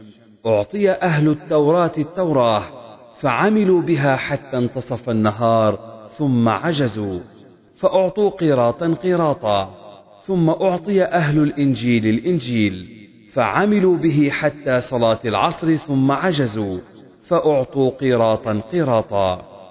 ثم أعطيتم القرآن فعملتم به حتى غروب الشمس فأعطيتم قيراطين قيراطين قال أهل التوراة ربنا هؤلاء أقل عملا وأكثر أجرا. قال هل ظلمتكم من أجركم من شيء؟ قالوا لا. فقال فذلك فضلي أوتيه من أشاء. حدثنا عبد الله المسندي حدثنا هشام أخبرنا معمر عن الزهري عن أبي إدريس عن عبادة بن الصامت قال بايعت رسول الله صلى الله عليه وسلم في رهط فقال أبايعكم على ألا تشركوا بالله شيئا ولا تسرقوا ولا تزنوا ولا تقتلوا أولادكم ولا تأتوا ببهتان تفترونه بين أيديكم وأرجلكم ولا تعصوني في معروف فمن وفى منكم فأجره على الله. ومن أصاب من ذلك شيئا فأخذ به في الدنيا فهو له كفارة وطهور. ومن ستره الله فذلك إلى الله إن شاء عذبه وإن شاء غفر له. حدثنا معل بن أسد حدثنا وهيب عن أيوب عن محمد عن أبي هريرة أن نبي الله سليمان عليه السلام كان له ستون امرأة. فقال لأطوفن الليلة على نسائي فلتحملن كل امرأة ولتلدن فارسا يقاتل في سبيل الله. فطاف على نسائه فما ولدت منهن إلا امرأة ولدت شق غلام. قال نبي الله صلى الله عليه وسلم لو كان سليمان استثنى لحملت كل امرأة منهن فولدت فارسا يقاتل في سبيل الله. حدثنا محمد حدثنا عبد الوهاب الثقفي حدثنا خالد الحذاء عن عكرمة عن ابن عباس رضي الله عنهما أن رسول الله صلى الله عليه وسلم دخل على أعرابي يعوده فقال لا بأس عليك طهور إن شاء الله. قال قال الأعرابي طهور بل هي حمى تفور على شيخ كبير تزيره القبور. قال النبي صلى الله عليه وسلم فنعم إذا حدثنا ابن سلام أخبرنا هشيم عن حسين عن عبد الله بن أبي قتادة عن أبيه حين ناموا عن الصلاة. قال النبي صلى الله عليه وسلم إن الله قبض أرواحكم حين شاء وردها حين شاء فقضوا حوائجهم وتوضأوا إلى أن طلعت الشمس وابيضت فقام فصلى. حدثنا يحيى بن قزعة حدثنا إبراهيم عن ابن شهاب عن أبي سلمة والأعرج. وحدثنا إسماعيل حدثني أخي عن سليمان عن محمد بن أبي عتيق عن ابن شهاب عن أبي سلمة بن عبد الرحمن وسعيد بن المسيب أن أبا هريرة قال استب رجل من المسلمين ورجل من اليهود. فقال المسلم والذي اصطفى محمدا على العالمين في قسم يقسم به. فقال اليهودي والذي اصطفى موسى على العالمين فرفع المسلم يده عند ذلك فلطم اليهودي. فذهب اليهودي إلى رسول الله صلى الله عليه وسلم فأخبره بالذي كان من أمره وأمر المسلم. فقال النبي صلى الله عليه وسلم لا تخيروني على موسى فإن الناس يصعقون يوم القيامة فأكون أول من يفيق. فإذا موسى باطش بجانب العرش فلا أدري أكان في من صعق فأفاق قبلي أو كان ممن استثنى الله. حدثنا إسحاق بن أبي عيسى أخبرنا يزيد بن هارون أخبرنا شعبة عن قتادة عن أنس بن مالك رضي الله عنه قال قال رسول الله صلى الله عليه وسلم المدينة يأتيها الدجال فيجد الملائكة يحرسونها فلا يقربها الدجال ولا الطاعون إن شاء الله. حدثنا أبو اليمان أخبرنا شعيب عن الزهري حدثني أبو سلمة بن عبد الرحمن أن أبا هريرة قال قال رسول الله صلى الله عليه وسلم لكل نبي دعوة. فأريد إن شاء الله أن أختبي دعوتي شفاعة لأمتي يوم القيامة.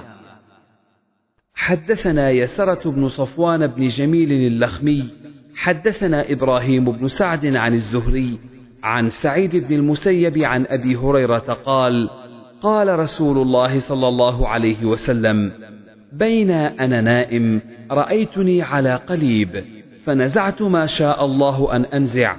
ثم أخذها ابن أبي قحافة فنزع ذنوبا أو ذنوبين وفي نزعه ضعف والله يغفر له. ثم أخذها عمر فاستحالت غربا فلم أر عبقريا من الناس يفري فرية حتى ضرب الناس حوله بعطن حدثنا محمد بن العلاء حدثنا أبو أسامة عن بريد عن أبي بردة عن أبي موسى قال كان النبي صلى الله عليه وسلم إذا أتاه السائل وربما قال جاءه السائل أو صاحب الحاجة قال اشفعوا فلتؤجروا ويقضي الله على لسان رسوله ما شاء. حدثنا يحيى حدثنا عبد الرزاق عن معمر عن همام سمع أبا هريرة عن النبي صلى الله عليه وسلم قال لا يقل أحدكم اللهم اغفر لي إن شئت ارحمني إن شئت ارزقني إن شئت وليعزم مسألته إنه يفعل ما يشاء لا مكره له.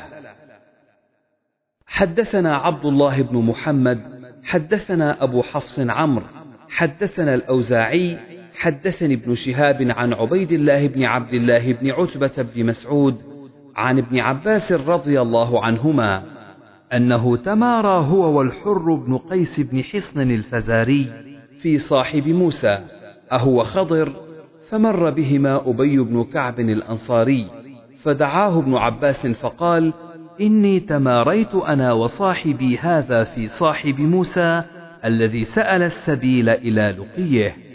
هل سمعت رسول الله صلى الله عليه وسلم يذكر شأنه؟ قال نعم إني سمعت رسول الله صلى الله عليه وسلم يقول بين موسى في ملأ بني إسرائيل إذ جاءه رجل فقال هل تعلم أحدا أعلم منك؟ فقال موسى لا. فأوحي إلى موسى بلى عبدنا خضر. فسأل موسى السبيل إلى لقيه فجعل الله له الحوت آية. وقيل له إذا فقدت الحوت فارجع فإنك ستلقاه. فكان موسى يتبع أثر الحوت في البحر. فقال فتى موسى لموسى أرأيت إذ أوينا إلى الصخرة فإني نسيت الحوت وما أنسانيه إلا الشيطان أن أذكره. قال موسى ذلك ما كنا نبغي فارتدا على آثارهما قصصا فوجدا خضرا وكان من شأنهما ما قص الله.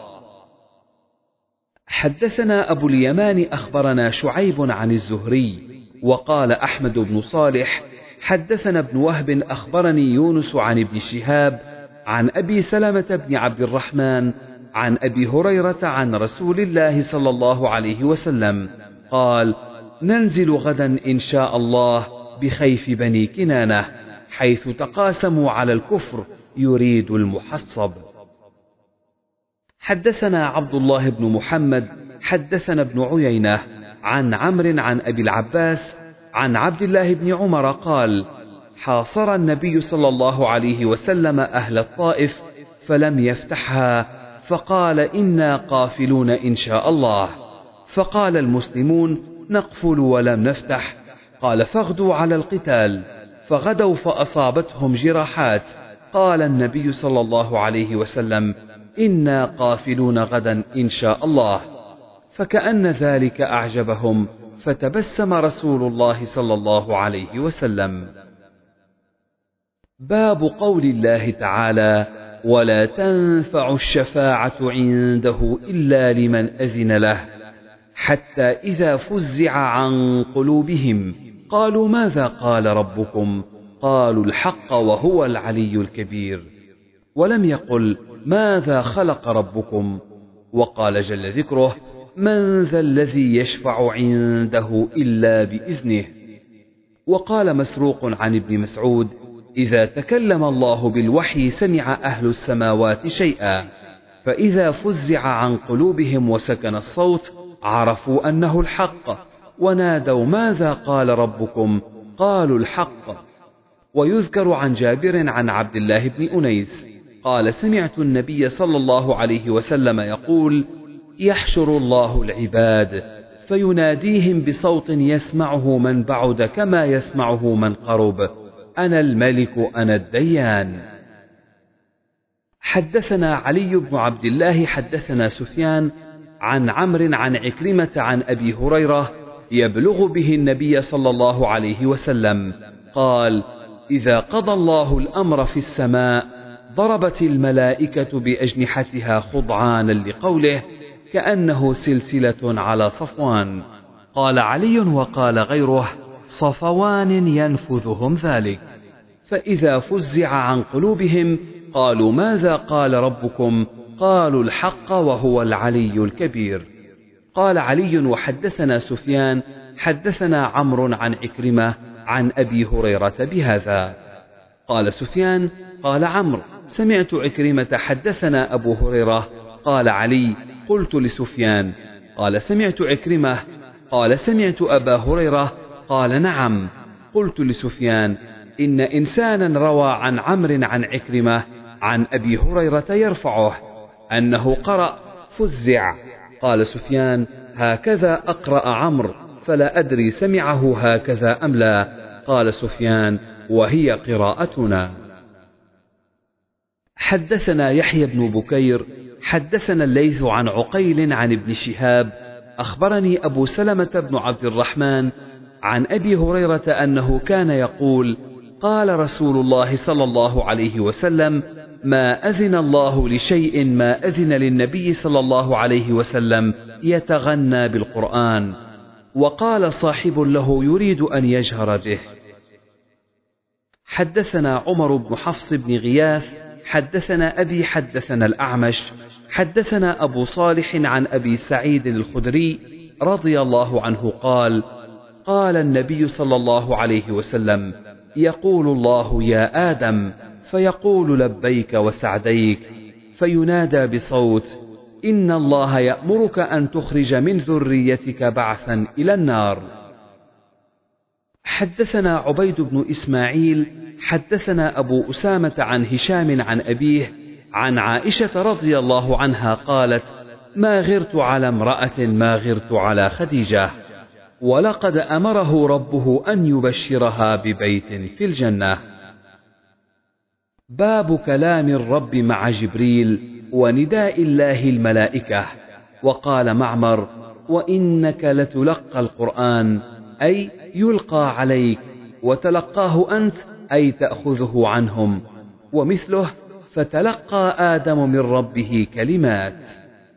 حدثني إسحاق حدثنا عبد الصمد حدثنا عبد الرحمن هو ابن عبد الله بن دينار عن أبيه عن أبي صالح عن أبي هريرة رضي الله عنه قال قال رسول الله صلى الله عليه وسلم إن الله تبارك وتعالى إذا أحب عبدا نادى جبريل إن الله قد أحب فلانا فأحبه فيحبه جبريل. ثم ينادي جبريل في السماء إن الله قد أحب فلانا فأحبوه فيحبه أهل السماء ويوضع له القبول في أهل الأرض. حدثنا قتيبة بن سعيد عن مالك عن أبي الزناد عن الأعرج. عن أبي هريرة أن رسول الله صلى الله عليه وسلم قال يتعاقبون فيكم ملائكة بالليل وملائكة بالنهار ويجتمعون في صلاة العصر وصلاة الفجر ثم يعرج الذين باتوا فيكم فيسألهم وهو أعلم كيف تركتم عبادي؟ فيقولون تركناهم وهم يصلون وأتيناهم وهم يصلون. حدثنا محمد بن بشار حدثنا غندر حدثنا شعبة عن واصل عن المعرور. قال سمعت أبا ذر عن النبي صلى الله عليه وسلم قال أتاني جبريل فبشرني أنه من مات لا يشرك بالله شيئا دخل الجنة. قلت وإن سرق وإن زنى. قال وإن سرق وإن زنى. باب قول الله تعالى أنزله بعلمه والملائكة يشهدون. قال مجاهد يتنزل الأمر بينهن بين السماء السابعة والأرض السابعة. حدثنا مسدد حدثنا أبو الأحوص حدثنا أبو إسحاق الهمداني. عن البراء بن عازب قال قال رسول الله صلى الله عليه وسلم يا فلان إذا أويت إلى فراشك فقل اللهم أسلمت نفسي إليك ووجهت وجهي إليك وفوضت أمري إليك وألجأت ظهري إليك رغبة ورهبة إليك لا ملجأ ولا منجى منك إلا إليك. آمنت بكتابك الذي أنزلت وبنبيك الذي أرسلت. فإنك إن مت في ليلتك مت على الفطرة وإن أصبحت أصبت أجرا. حدثنا قتيبة بن سعيد حدثنا سفيان عن إسماعيل بن أبي خالد عن عبد الله بن أبي أوفى قال قال رسول الله صلى الله عليه وسلم يوم الأحزاب اللهم منزل الكتاب سريع الحساب اهزم الأحزاب وزلزل بهم. زاد الحميدي حدثنا سفيان حدثنا ابن أبي خالد سمعت عبد الله سمعت النبي صلى الله عليه وسلم. حدثنا مسدد عن هشيم عن أبي بشر عن سعيد بن جبير عن ابن عباس رضي الله عنهما ولا تجهر بصلاتك ولا تخافت بها. قال أنزلت ورسول الله صلى الله عليه وسلم متوار بمكة فكان إذا رفع صوته سمع المشركون فسبوا القرآن ومن أنزله ومن جاء به. وقال الله تعالى ولا تجهر بصلاتك ولا تخافت بها. لا تجهر بصلاتك حتى يسمع المشركون ولا تخافت بها عن أصحابك فلا تسمعهم. وابتغ بين ذلك سبيلا أسمعهم ولا تجهر حتى يأخذوا عنك القرآن. باب قول الله تعالى يريدون أن يبدلوا كلام الله. لقول الفصل حق وما هو بالهزل باللعب.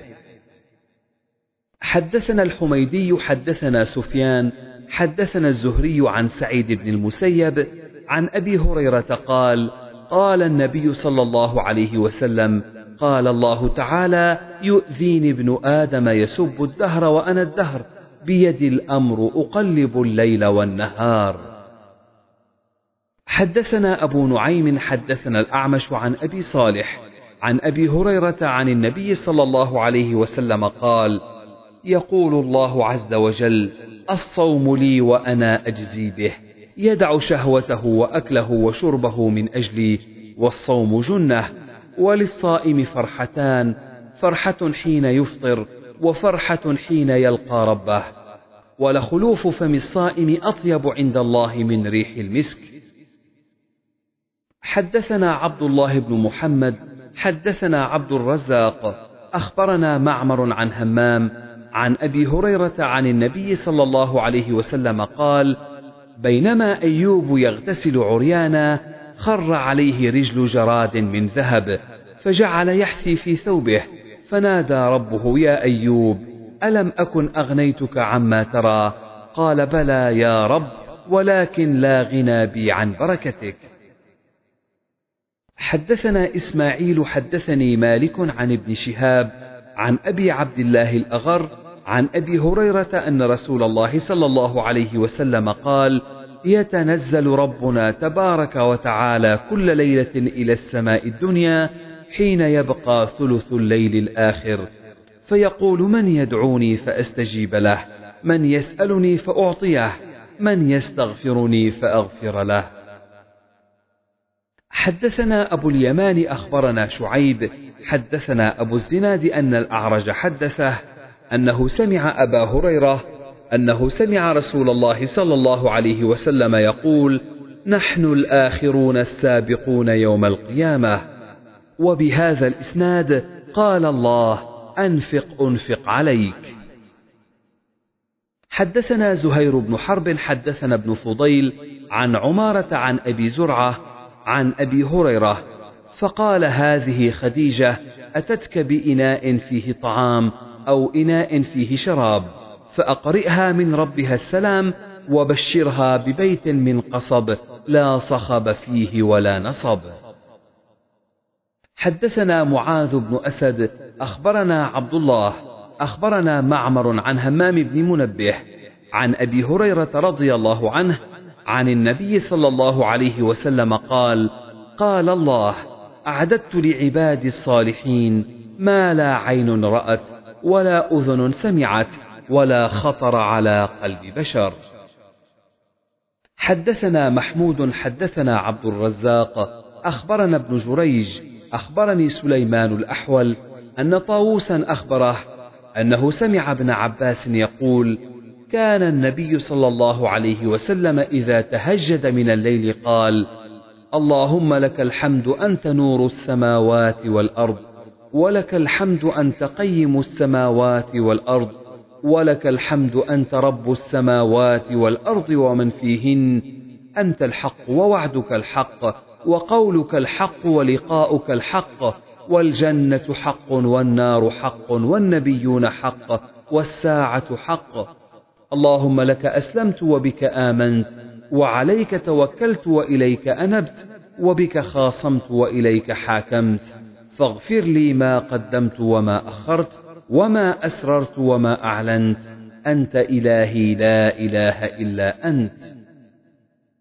حدثنا حجاج بن منهال حدثنا عبد الله بن عمر النميري حدثنا يونس بن يزيد الأيلي قال سمعت الزهري قال سمعت عروة بن الزبير وسعيد بن المسيب وعلقمة بن وقاص وعبيد الله بن عبد الله عن حديث عائشة زوج النبي صلى الله عليه وسلم حين قال لها أهل الإفك ما قالوا فبرأها الله مما قالوا. وكل حدثني طائفة من الحديث الذي حدثني عن عائشة. قالت ولكن والله ما كنت أظن أن الله ينزل في براءتي وحيا يتلى ولشأني في نفسي كان أحقر من أن يتكلم الله في بأمر يتلى. ولكني كنت أرجو أن يرى رسول الله صلى الله عليه وسلم في النوم رؤيا يبرئني الله بها. فأنزل الله تعالى إن الذين جاءوا بالإفك العشر الآيات. حدثنا قتيبة بن سعيد حدثنا المغيرة بن عبد الرحمن عن أبي الزناد عن الأعرج عن أبي هريرة أن رسول الله صلى الله عليه وسلم قال يقول الله إذا أراد عبدي أن يعمل سيئة فلا تكتبوها عليه حتى يعملها فإن عملها فاكتبوها بمثلها وإن تركها من أجلي فاكتبوها له حسنة. وإذا أراد أن يعمل حسنة فلم يعملها فاكتبوها له حسنة. فإن عملها فاكتبوها له بعشر أمثالها إلى سبعمائة. حدثنا إسماعيل بن عبد الله حدثني سليمان بن بلال عن معاوية بن أبي مزرد عن سعيد بن يسار عن أبي هريرة رضي الله عنه أن رسول الله صلى الله عليه وسلم قال خلق الله الخلق فلما فرغ منه قامت الرحم فقال مه قالت هذا مقام العائذ بك من القطيعة. فقال ألا ترضين أن أصل من وصلك وأقطع من قطعك؟ قالت بلى يا رب. قال فذلك لك. ثم قال أبو هريرة فهل عسيتم إن توليتم أن تفسدوا في الأرض وتقطعوا أرحامكم؟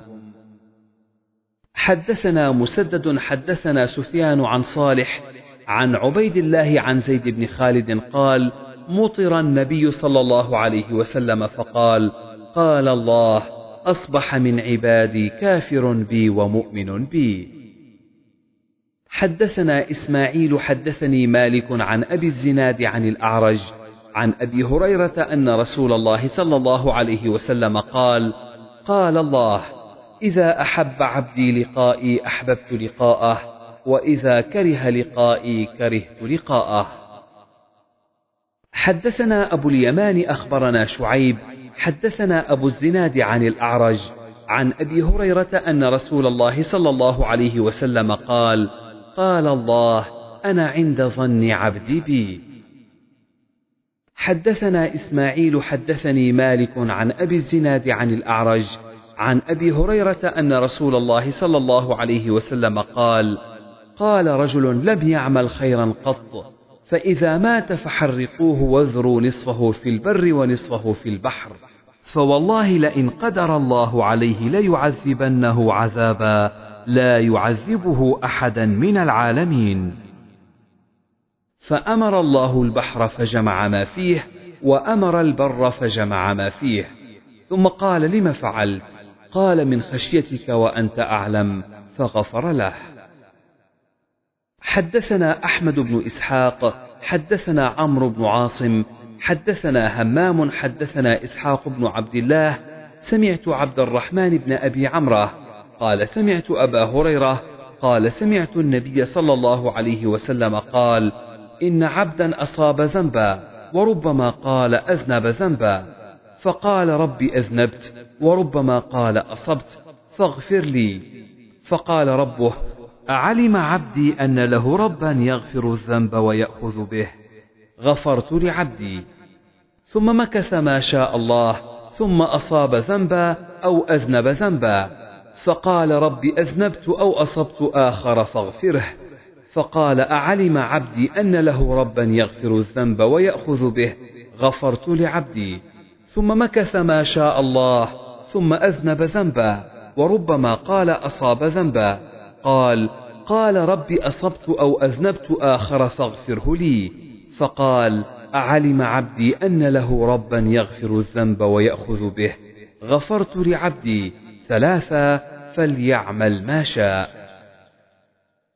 حدثنا عبد الله بن أبي الأسود حدثنا معتمر سمعت أبي. حدثنا قتادة عن عقبة بن عبد الغافر عن أبي سعيد عن النبي صلى الله عليه وسلم أنه ذكر رجلا في من سلف أو في من كان قبلكم قال كلمة يعني أعطاه الله مالا وولدا فلما حضرت الوفاة قال لبنيه أي أب كنت لكم؟ قالوا خير أب قال فإنه لم يبتئر أو لم يبتئز عند الله خيرا. وإن يقدر الله عليه يعذبه. فانظروا إذا مت فأحرقوني حتى إذا صرت فحما فاسحقوني أو قال فاسحكوني. فإذا كان يوم ريح عاصف فذروني فيها. فقال نبي الله صلى الله عليه وسلم فأخذ مواثيقهم على ذلك وربي. ففعلوا ثم أذروه في يوم عاصف. فقال الله عز وجل كن. فإذا هو رجل قائم قال الله أي عبدي ما حملك على أن فعلت ما فعلت؟ قال مخافتك أو فرق منك. قال فما تلافاه أن رحمه عندها؟ وقال مرة أخرى فما تلافاه غيرها؟ فحدثت به أبا عثمان فقال سمعت هذا من سلمان غير أنه زاد فيه أذروني في البحر أو كما حدث. حدثنا موسى حدثنا معتمر وقال لم يبتئر. وقال خليفة حدثنا معتمر وقال لم يبتئز. فسره قتادة لم يدخر. باب كلام الرب عز وجل يوم القيامة مع الأنبياء وغيرهم. حدثنا يوسف بن راشد حدثنا أحمد بن عبد الله حدثنا أبو بكر بن عياش عن حميد قال سمعت أنس رضي الله عنه قال سمعت النبي صلى الله عليه وسلم يقول إذا كان يوم القيامة شفعت فقلت يا رب أدخل الجنة من كان في قلبه خردلة فيدخلون ثم أقول أدخل الجنة من كان في قلبه أدنى شيء فقال أنس كأني أنظر إلى أصابع رسول الله صلى الله عليه وسلم. حدثنا سليمان بن حرب حدثنا حماد بن زيد حدثنا معبد بن هلال العنزي قال اجتمعنا ناس من أهل البصرة فذهبنا إلى أنس بن مالك وذهبنا معنا بثابت إليه يسأله لنا عن حديث الشفاعة فإذا هو في قصره فوافقناه يصلي الضحى فاستأذنا فأذن لنا وهو قاعد على فراشه. فقلنا لثابت لا تسأله عن شيء أول من حديث الشفاعة فقال يا أبا حمزة هؤلاء إخوانك من أهل البصرة جاءوك يسألونك عن حديث الشفاعة فقال حدثنا محمد صلى الله عليه وسلم قال إذا كان يوم القيامة ماج الناس بعضهم في بعض. فيأتون آدم فيقولون اشفع لنا إلى ربك فيقول لست لها. ولكن عليكم بإبراهيم فإنه خليل الرحمن. فيأتون إبراهيم فيقول لست لها ولكن عليكم بموسى فإنه كليم الله. فيأتون موسى فيقول لست لها ولكن عليكم بعيسى فإنه روح الله وكلمته. فيأتون عيسى فيقول لست لها ولكن عليكم بمحمد صلى الله عليه وسلم. فيأتوني فأقول أنا لها. فأستأذن على ربي فيؤذن لي ويلهمني محامد أحمده بها لا تحضرني الآن فأحمده بتلك المحامد وأخر له ساجدا. فيقول يا محمد ارفع رأسك وقل يسمع لك وسل تعطى واشفع تشفع. فأقول يا رب أمتي أمتي. فيقال انطلق فأخرج منها من كان في قلبه مثقال شعيرة من إيمان. فأنطلق فأفعل ثم أعود فأحمده بتلك المحامد ثم أخر له ساجدا. فيقال يا محمد ارفع رأسك وقل يسمع لك وسل تعطى واشفع تشفع. فأقول يا رب أمتي أمتي. فيقال انطلق فأخرج منها من كان في قلبه مثقال ذرة أو خردلة من إيمان. فأنطلق فأفعل ثم أعود فأحمده بتلك المحامد ثم أخر له ساجدا. فيقال يا محمد ارفع رأسك وقل يسمع لك وسل تعطى واشفع تشفع. فأقول يا رب أمتي أمتي. فيقول انطلق فأخرج من كان في قلبه أدنى أدنى أدنى مثقال حبة خردل من إيمان. فأخرجه من النار. فأنطلق فأفعل. فلما خرجنا من عند أنس قلت لبعض أصحابنا لو مررنا بالحسن وهو متوار في منزل أبي خليفة بما حدثنا أنس بن مالك فأتيناه فسلمنا عليه فأذن لنا فقلنا له يا أبا سعيد جئناك من عند أخيك أنس بن مالك فلم نر مثل ما حدثنا في الشفاعة. فقال هيه. فحدثناه بالحديث فانتهى إلى هذا الموضع فقال هيه فقلنا لم يزد لنا على هذا. فقال لقد حدثني وهو جميع منذ عشرين سنة فلا أدري أنسي أم كره أن تتكلوا. قلنا يا أبا سعيد فحدثنا. فضحك وقال خلق الإنسان عجولا. ما ذكرته إلا وأنا أريد أن أحدثكم حدثني كما حدثكم به. قال ثم أعود الرابعة فأحمده بتلك ثم أخر له ساجدا. فيقال يا محمد ارفع رأسك وقل يسمع وسل تعطه واشفع تشفع. فأقول يا رب إذن لي في من قال لا إله إلا الله. فيقول وعزتي وجلالي وكبريائي وعظمتي لأخرجن منها من قال لا إله إلا الله. حدثنا محمد بن خالد حدثنا عبيد الله بن موسى عن إسرائيل عن منصور عن إبراهيم عن عبيدة عن عبد الله قال قال رسول الله صلى الله عليه وسلم إن آخر أهل الجنة دخولا الجنة وآخر أهل النار خروجا من النار رجل يخرج حبوا فيقول له ربه ادخل الجنة فيقول ربي الجنة ملأى. فيقول له ذلك ثلاث مرات فكل ذلك يعيد عليه الجنة ملأى فيقول إن لك مثل الدنيا عشر مرار. حدثنا علي بن حجر أخبرنا عيسى بن يونس عن الأعمش عن خيثمة عن عدي بن حاتم قال قال رسول الله صلى الله عليه وسلم ما منكم أحد إلا سيكلمه ربه ليس بينه وبينه ترجمان. فينظر أيمن منه فلا يرى إلا ما قدم من عمله وينظر أشأم منه فلا يرى إلا ما قدم وينظر بين يديه فلا يرى إلا النار تلقاء وجهه. فاتقوا النار ولو بشق تمرة قال الأعمش وحدثني عمرو بن مرة عن خيثمة مثله وزاد فيه ولو بكلمة طيبة.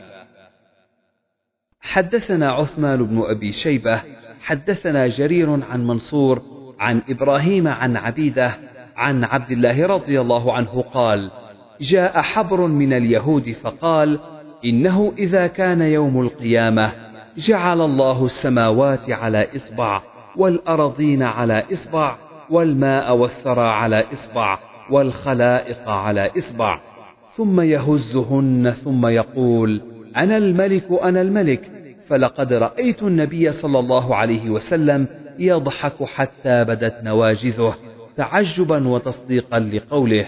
ثم قال النبي صلى الله عليه وسلم وما قدر الله حق قدره إلى قوله يشركون. حدثنا مسدد حدثنا أبو عوانة عن قتادة عن صفوان بن محرز أن رجلا سأل ابن عمر كيف سمعت رسول الله صلى الله عليه وسلم يقول في النجوى قال يدنو أحدكم من ربه حتى يضع كنفه عليه فيقول أعملت كذا وكذا؟ فيقول نعم. ويقول عملت كذا وكذا؟ فيقول نعم. فيقرره. ثم يقول إني سترت عليك في الدنيا وأنا أغفرها لك اليوم.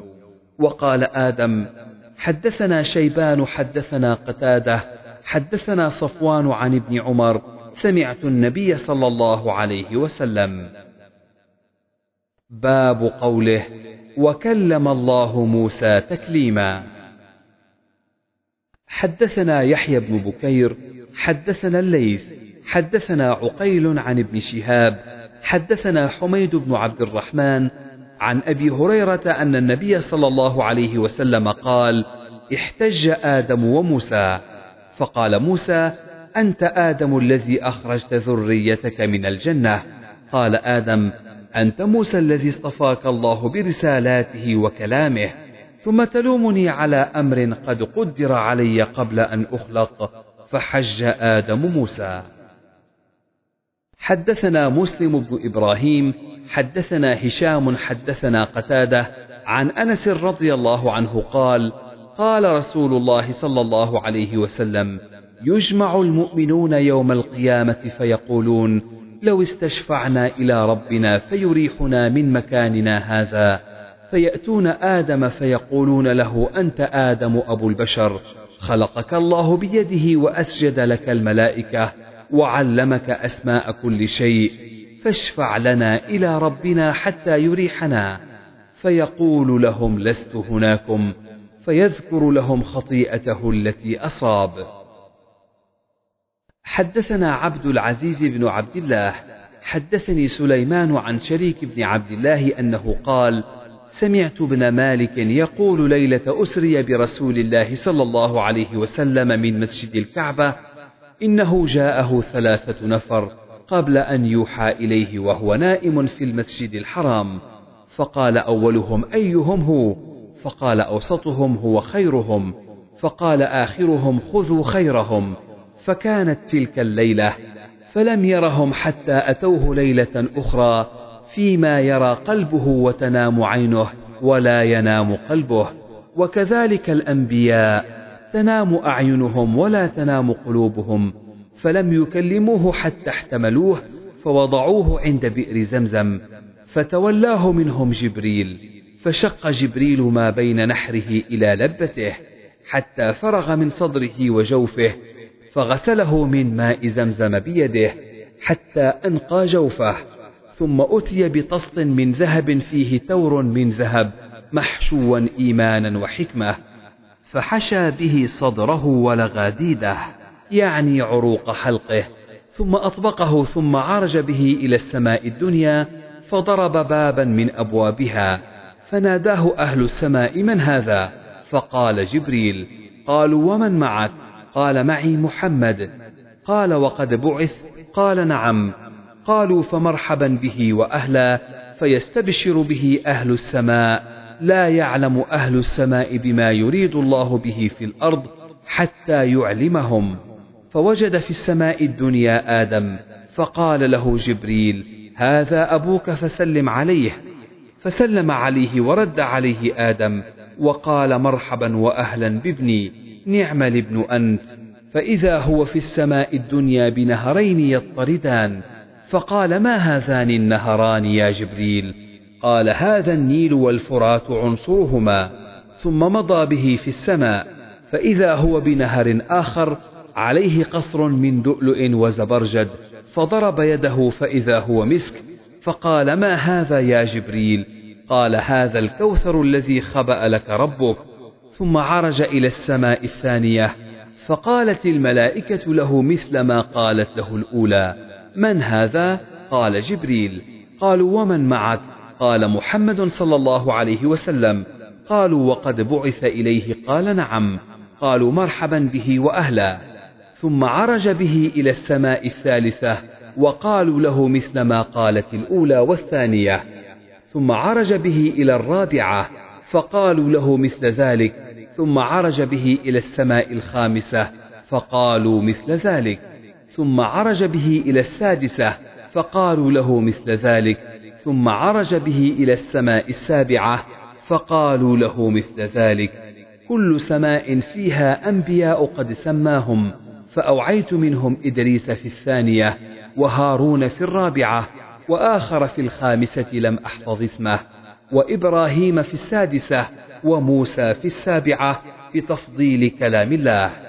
فقال موسى رب لم أظن أن يرفع علي أحد ثم علا به فوق ذلك بما لا يعلمه إلا الله حتى جاء سدرة المنتهى ودنا الجبار رب العزة فتدلى حتى كان منه قاب قوسين أو أدنى. فأوحى الله فيما أوحى إليه خمسين صلاة على أمتك كل يوم وليلة. ثم هبط حتى بلغ موسى فاحتبسه موسى فقال يا محمد ماذا عهد إليك ربك؟ قال عهد إلي خمسين صلاة كل يوم وليلة. قال إن أمتك لا تستطيع ذلك فارجع فليخفف عنك ربك وعنهم. فالتفت النبي صلى الله عليه وسلم إلى جبريل كأنه يستشيره في ذلك فأشار إليه جبريل أن نعم إن شئت فعلا به إلى الجبار فقال وهو مكانه يا رب خفف عنا فإن أمتي لا تستطيع هذا.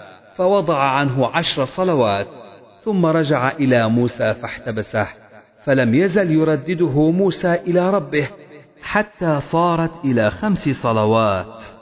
ثم احتبسه موسى عند الخمس فقال يا محمد والله لقد راودت بني إسرائيل قومي على أدنى من هذا فضعفوا فتركوه فأمتك أضعف أجسادا وقلوبا وأبدانا وأبصارا وأسماعا. فارجع فليخفف عنك ربك. كل ذلك يلتفت النبي صلى الله عليه وسلم إلى جبريل ليشير عليه. ولا يكره ذلك جبريل.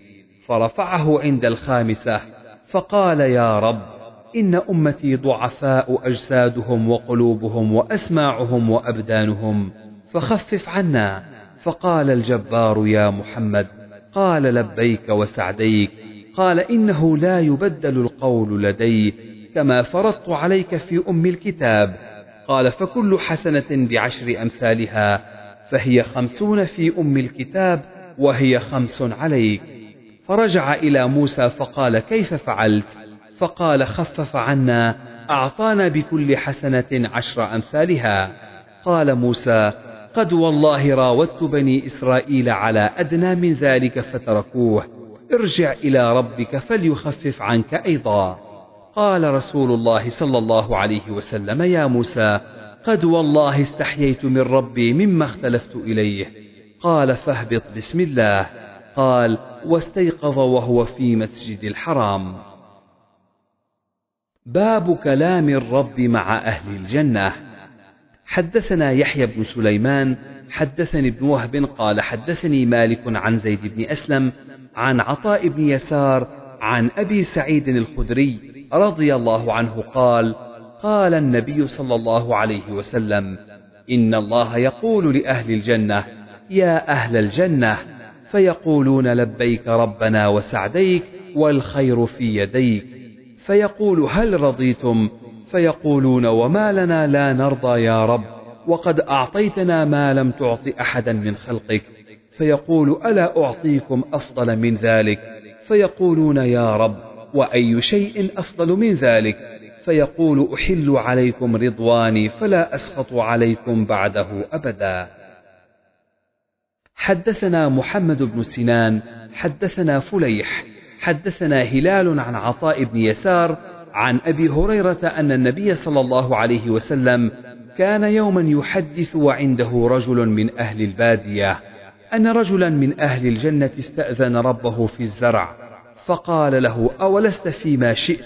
قال بلى ولكني أحب أن أزرع. فأسرع وبذر فتبادر الطرف نباته واستواؤه واستحصاده وتكويره أمثال الجبال.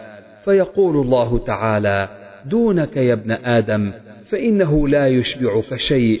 فقال الأعرابي يا رسول الله لا تجد هذا إلا قرشيا أو أنصاريا فإنهم أصحاب زرع. فأما نحن فلسنا بأصحاب زرع فضحك رسول الله صلى الله عليه وسلم. باب ذكر الله بالأمر وذكر العباد بالدعاء والتضرع والرسالة والإبلاغ.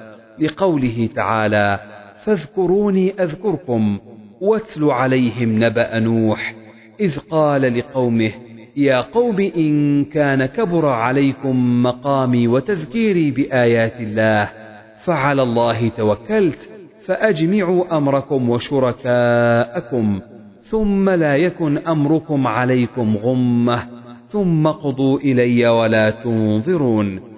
فإن توليتم فما سألتكم من أجر إن أجري إلا على الله وأمرت أن أكون من المسلمين. غمة هم وضيق. قال مجاهد اقضوا إلي ما في أنفسكم. يقال أفرق اقض. وقال مجاهد وإن أحد من المشركين استجارك فأجره حتى يسمع كلام الله. إنسان يأتيه فيستمع ما يقول وما أنزل عليه فهو آمن حتى يأتيه فيسمع كلام الله. وحتى يبلغ مأمنه حيث جاءه النبأ العظيم القرآن صوابا حقا في الدنيا وعمل به.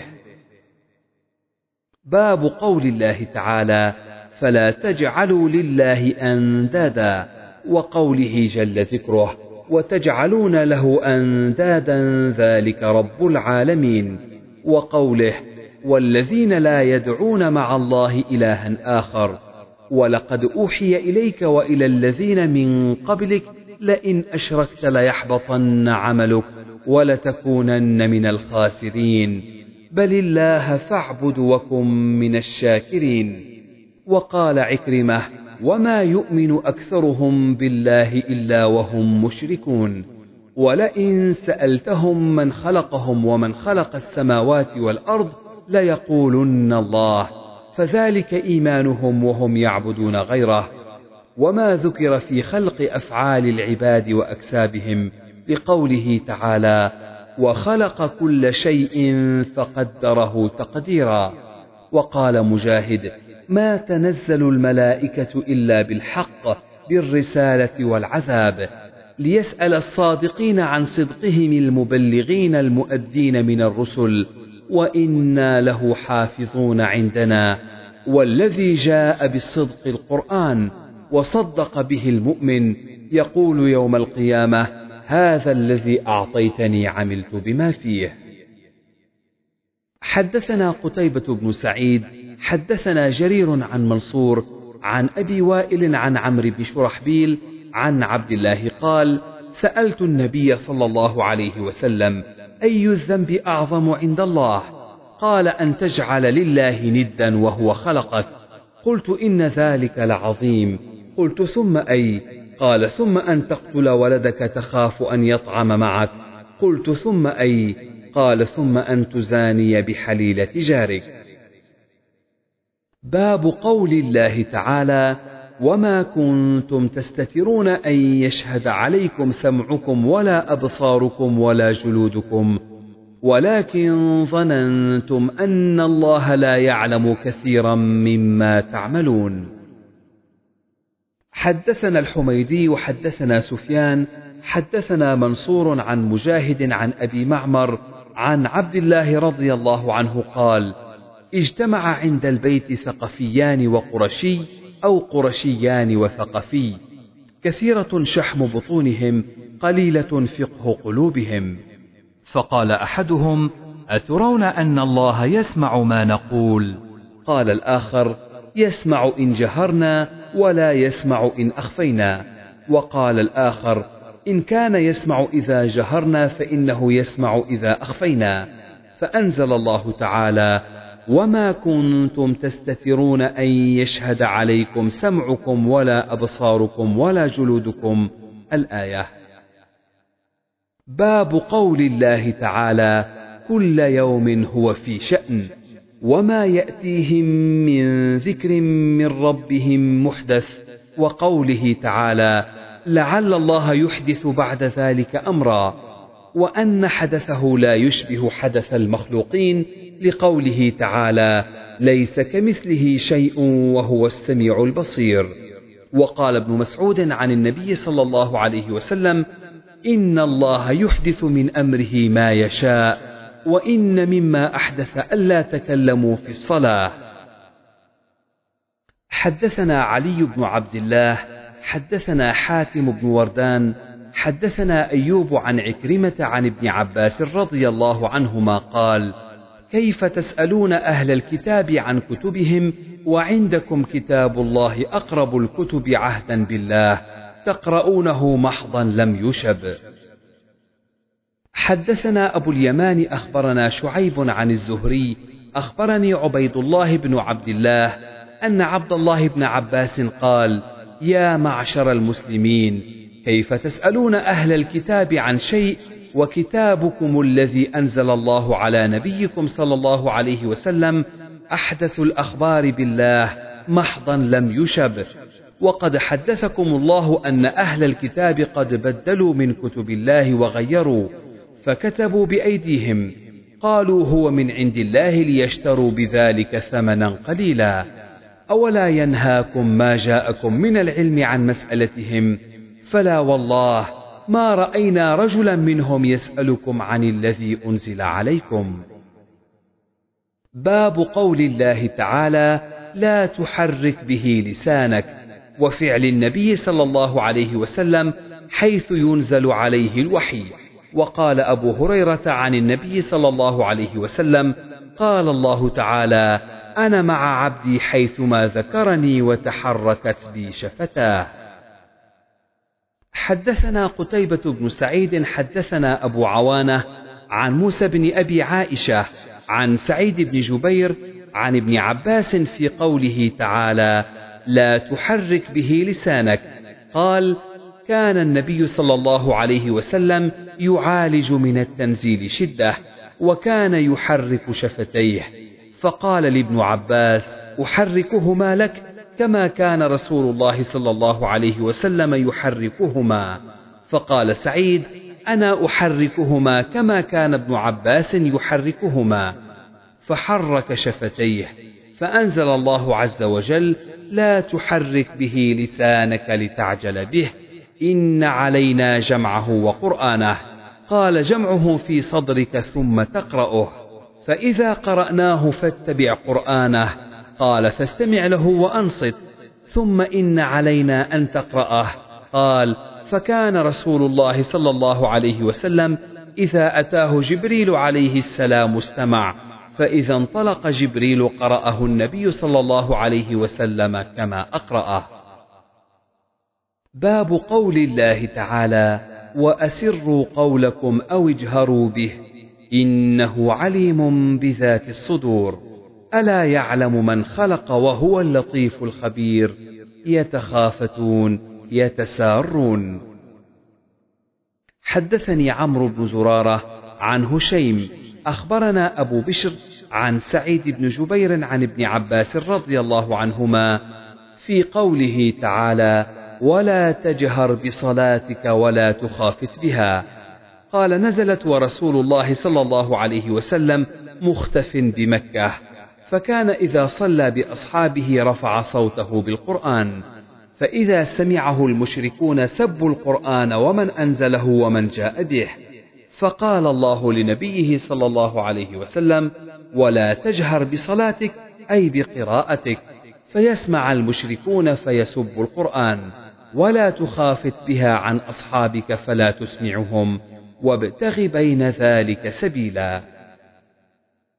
حدثنا عبيد بن إسماعيل حدثنا أبو أسامة عن هشام عن أبيه عن عائشة رضي الله عنها قالت نزلت هذه الآية ولا تجهر بصلاتك ولا تخافت بها في الدعاء. حدثنا إسحاق حدثنا أبو عاصم أخبرنا ابن جريج أخبرنا ابن شهاب عن أبي سلمة عن أبي هريرة قال قال رسول الله صلى الله عليه وسلم ليس منا من لم يتغن بالقرآن وزاد غيره يجهر به. باب قول النبي صلى الله عليه وسلم رجل آتاه الله القرآن فهو يقوم به آناء الليل والنهار ورجل يقول لو أوتيت مثل ما أوتي هذا فعلت كما يفعل. فبين الله أن قيامه بالكتاب هو فعله وقال ومن آياته خلق السماوات والأرض واختلاف ألسنتكم وألوانكم. وقال جل ذكره وافعلوا الخير لعلكم تفلحون. حدثنا قتيبة حدثنا جرير عن الأعمش عن أبي صالح عن أبي هريرة قال قال رسول الله صلى الله عليه وسلم لا تحاسد إلا في اثنتين رجل آتاه الله القرآن فهو يتلوه آناء الليل وآناء النهار فهو يقول لو أوتيت مثل ما أوتي هذا لفعلت كما يفعل ورجل آتاه الله مالا فهو ينفقه في حقه فيقول لو أوتيت مثل ما أوتي عملت فيه مثل ما يعمل. حدثنا علي بن عبد الله حدثنا سفيان. قال الزهري عن سالم عن أبيه عن النبي صلى الله عليه وسلم قال لا حسد إلا في اثنتين رجل آتاه الله القرآن فهو يتلوه آناء الليل وآناء النهار ورجل آتاه الله مالا فهو ينفقه آناء الليل وآناء النهار. سمعت سفيان مرارا لم أسمعه يذكر الخبر وهو من صحيح حديثه. باب قول الله تعالى يا أيها الرسول بلغ ما أنزل إليك من ربك وإن لم تفعل فما بلغت رسالاته. وقال الزهري من الله الرسالة وعلى رسول الله صلى الله عليه وسلم البلاغ وعلينا التسليم. وقال ليعلم أن قد أبلغوا رسالات ربهم. وقال أبلغكم رسالات ربي. وقال كعب بن مالك حين تخلف عن النبي صلى الله عليه وسلم وسيرى الله عملكم ورسوله. وقالت عائشة إذا أعجبك حسن عمل امرئ فقل اعملوا فسيرى الله عملكم ورسوله والمؤمنون ولا يستخفنك أحد. وقال معمر ذلك الكتاب هذا القرآن هدى للمتقين بيان ودلالة كقوله تعالى ذلكم حكم الله هذا حكم الله لا ريب لا شك. تلك آيات يعني هذه أعلام القرآن ومثله حتى إذا كنتم في الفلك وجرين بهم يعني بكم. وقال أنس بعث النبي صلى الله عليه وسلم خاله حراما إلى قومه وقال أتؤمنوني أبلغ رسالة رسول الله صلى الله عليه وسلم؟ فجعل يحدثهم. حدثنا الفضل بن يعقوب حدثنا عبد الله بن جعفر الرقي حدثنا المعتمر بن سليمان حدثنا سعيد بن عبد الله الثقفي حدثنا بكر بن عبد الله المزني وزياد بن جبير بن حية. عن جبير بن حية قال المغيرة أخبرنا نبينا صلى الله عليه وسلم عن رسالة ربنا أنه من قتل منا صار إلى الجنة. حدثنا محمد بن يوسف حدثنا سفيان عن إسماعيل عن الشعبي عن مسروق عن عائشة رضي الله عنها قالت من حدثك أن محمدا صلى الله عليه وسلم كتم شيئا. وقال محمد حدثنا أبو عامر العقدي حدثنا شعبة عن إسماعيل بن أبي خالد عن الشعبي عن مسروق عن عائشة قالت من حدثك أن النبي صلى الله عليه وسلم كتم شيئا من الوحي فلا تصدقه. إن الله تعالى يقول يا أيها الرسول بلغ ما أنزل إليك من ربك وإن لم تفعل فما بلغت رسالته. حدثنا قتيبة بن سعيد حدثنا جرير عن الأعمش عن أبي وائل عن عمرو بن شرحبيل قال قال عبد الله قال رجل يا رسول الله أي الذنب أكبر عند الله؟ قال أن تدعو لله ندا وهو خلقك. قال ثم أي قال أن تقتل ولدك أن يطعم معك. قال ثم أي قال أن تزاني حليلة جارك. فأنزل الله تصديقها. والذين لا يدعون مع الله إلها آخر ولا يقتلون النفس التي حرم الله إلا بالحق ولا يزنون. ومن يفعل ذلك الآية. باب قول الله تعالى قل فأتوا بالتوراة فاتلوها وقول النبي صلى الله عليه وسلم أعطي أهل التوراة التوراة فعملوا بها وأعطي أهل الإنجيل الإنجيل فعملوا به وأعطيتم القرآن فعملتم به وقال أبو رزين يتلونه يتبعونه ويعملون به حق عمله يقال يتلى يقرأ حسن التلاوة حسن القراءة للقرآن لا يمسه لا يجد طعمه ونفعه إلا من آمن بالقرآن ولا يحمله بحقه إلا الموقن لقوله تعالى مثل الذين حملوا التوراة ثم لم يحملوها كمثل الحمار يحمل أسفارا بئس مثل القوم الذين كذبوا بآيات الله والله لا يهدي القوم الظالمين وسمى النبي صلى الله عليه وسلم الإسلام والإيمان عملا. قال أبو هريرة قال النبي صلى الله عليه وسلم لبلال أخبرني بأرجى عمل عملته في الإسلام. قال ما عملت عملا أرجى عندي أني لم أتطهر إلا صليت وسئل أي العمل أفضل؟ قال إيمان بالله ورسوله ثم الجهاد ثم حج مبرور. حدثنا عبدان أخبرنا عبد الله أخبرنا يونس عن الزهري أخبرني سالم عن ابن عمر رضي الله عنهما أن رسول الله صلى الله عليه وسلم قال إنما بقاؤكم في من سلف من الأمم كما بين صلاة العصر إلى غروب الشمس.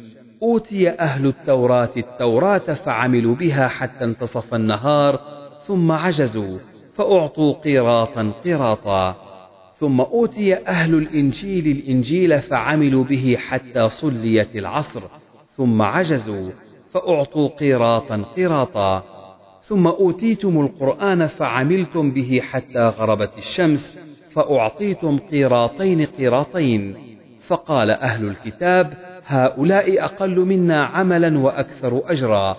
قال الله هل ظلمتكم من حقكم شيئا؟ قالوا لا. قال فهو فضلي أوتيه من أشاء. باب وسمى النبي صلى الله عليه وسلم الصلاة عملا وقال لا صلاة لمن لم يقرأ بفاتحة الكتاب. حدثني سليمان حدثنا شعبة عن الوليد وحدثني عباد بن يعقوب الأسدي أخبرنا عباد بن العوام عن الشيباني عن الوليد بن العيزار عن أبي عمرو الشيباني عن ابن مسعود رضي الله عنه أن رجلا سأل النبي صلى الله عليه وسلم أي الأعمال أفضل؟ قال الصلاة لوقتها وبر الوالدين ثم الجهاد في سبيل الله. باب قول الله تعالى إن الإنسان خلق هلوعا إذا مسه الشر جزوعا وإذا مسه الخير منوعا. هلوعا ضجورا حدثنا أبو النعمان حدثنا جرير بن حازم عن الحسن حدثنا عمرو بن تغلب قال أتى النبي صلى الله عليه وسلم مال فأعطى قوما ومنع آخرين فبلغه أنهم عتبوا فقال إني أعطي الرجل وأدع الرجل والذي أدع أحب إلي من الذي أعطي.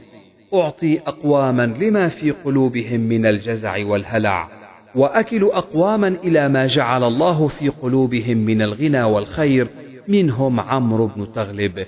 فقال عمرو ما أحب أن لي بكلمة رسول الله صلى الله عليه وسلم حمر النعم باب ذكر النبي صلى الله عليه وسلم وروايته عن ربه. حدثني محمد بن عبد الرحيم حدثنا أبو زيد سعيد بن الربيع الهروي حدثنا شعبة عن قتادة عن أنس رضي الله عنه عن النبي صلى الله عليه وسلم يرويه عن ربه قال إذا تقرب العبد إلي شبرا تقربت إليه ذراعا وإذا تقرب مني ذراعا تقربت منه باعا وإذا أتاني مشيا أتيته هرولة حدثنا مسدد عن يحيى عن التيمي عن أنس بن مالك عن أبي هريرة قال ربما ذكر النبي صلى الله عليه وسلم. قال إذا تقرب العبد مني شبرا تقربت منه ذراعا. وإذا تقرب مني ذراعا تقربت منه باعا أو بوعا. وقال معتمر سمعت أبي سمعت أنسا عن النبي صلى الله عليه وسلم يرويه عن ربه عز وجل. حدثنا آدم حدثنا شعبة حدثنا محمد بن زياد. قال سمعت أبا هريرة عن النبي صلى الله عليه وسلم يرويه عن ربكم. قال لكل عمل كفارة والصوم لي وأنا أجزي به. ولخلوف فم الصائم أطيب عند الله من ريح المسك. حدثنا حفص بن عمر حدثنا شعبة عن قتادة وقال لي خليفة حدثنا يزيد بن زريع عن سعيد عن قتادة عن أبي العالية عن ابن عباس رضي الله عنهما عن النبي صلى الله عليه وسلم فيما يرويه عن ربه. قال لا ينبغي لعبد أن يقول إنه خير من يونس بن متى ونسبه إلى أبيه. حدثنا أحمد بن أبي سريج أخبرنا شبابه. حدثنا شعبة عن معاوية بن قرة عن عبد الله بن مغفل المزني. قال رأيت رسول الله صلى الله عليه وسلم يوم الفتح على ناقة له يقرأ سورة الفتح أو من سورة الفتح. قال فرجع فيها. قال ثم قرأ معاوية يحكي قراءة ابن مغفل وقال لولا أن يجتمع الناس عليكم لرجعت كما رجع ابن مغفل يحكي النبي صلى الله عليه وسلم. فقلت لمعاوية كيف كان ترجيعه؟ قال آ آ آ ثلاث مرات. باب ما يجوز من تفسير التوراة وغيرها من كتب الله بالعربية وغيرها لقول الله تعالى فأتوا بالتوراة فاتلوها إن كنتم صادقين وقال ابن عباس أخبرني أبو سفيان بن حرب أن هرقل دعا ترجمانه ثم دعا بكتاب النبي صلى الله عليه وسلم فقرأه بسم الله الرحمن الرحيم من محمد عبد الله ورسوله إلى هرقل. ويا أهل الكتاب تعالوا إلى كلمة سواء بيننا وبينكم. الآية. حدثنا محمد بن بشار حدثنا عثمان بن عمر أخبرنا علي بن المبارك عن يحيى بن أبي كثير عن أبي سلمة عن أبي هريرة قال كان أهل الكتاب يقرؤون التوراة بالعبرانية ويفسرونها بالعربية لأهل الإسلام.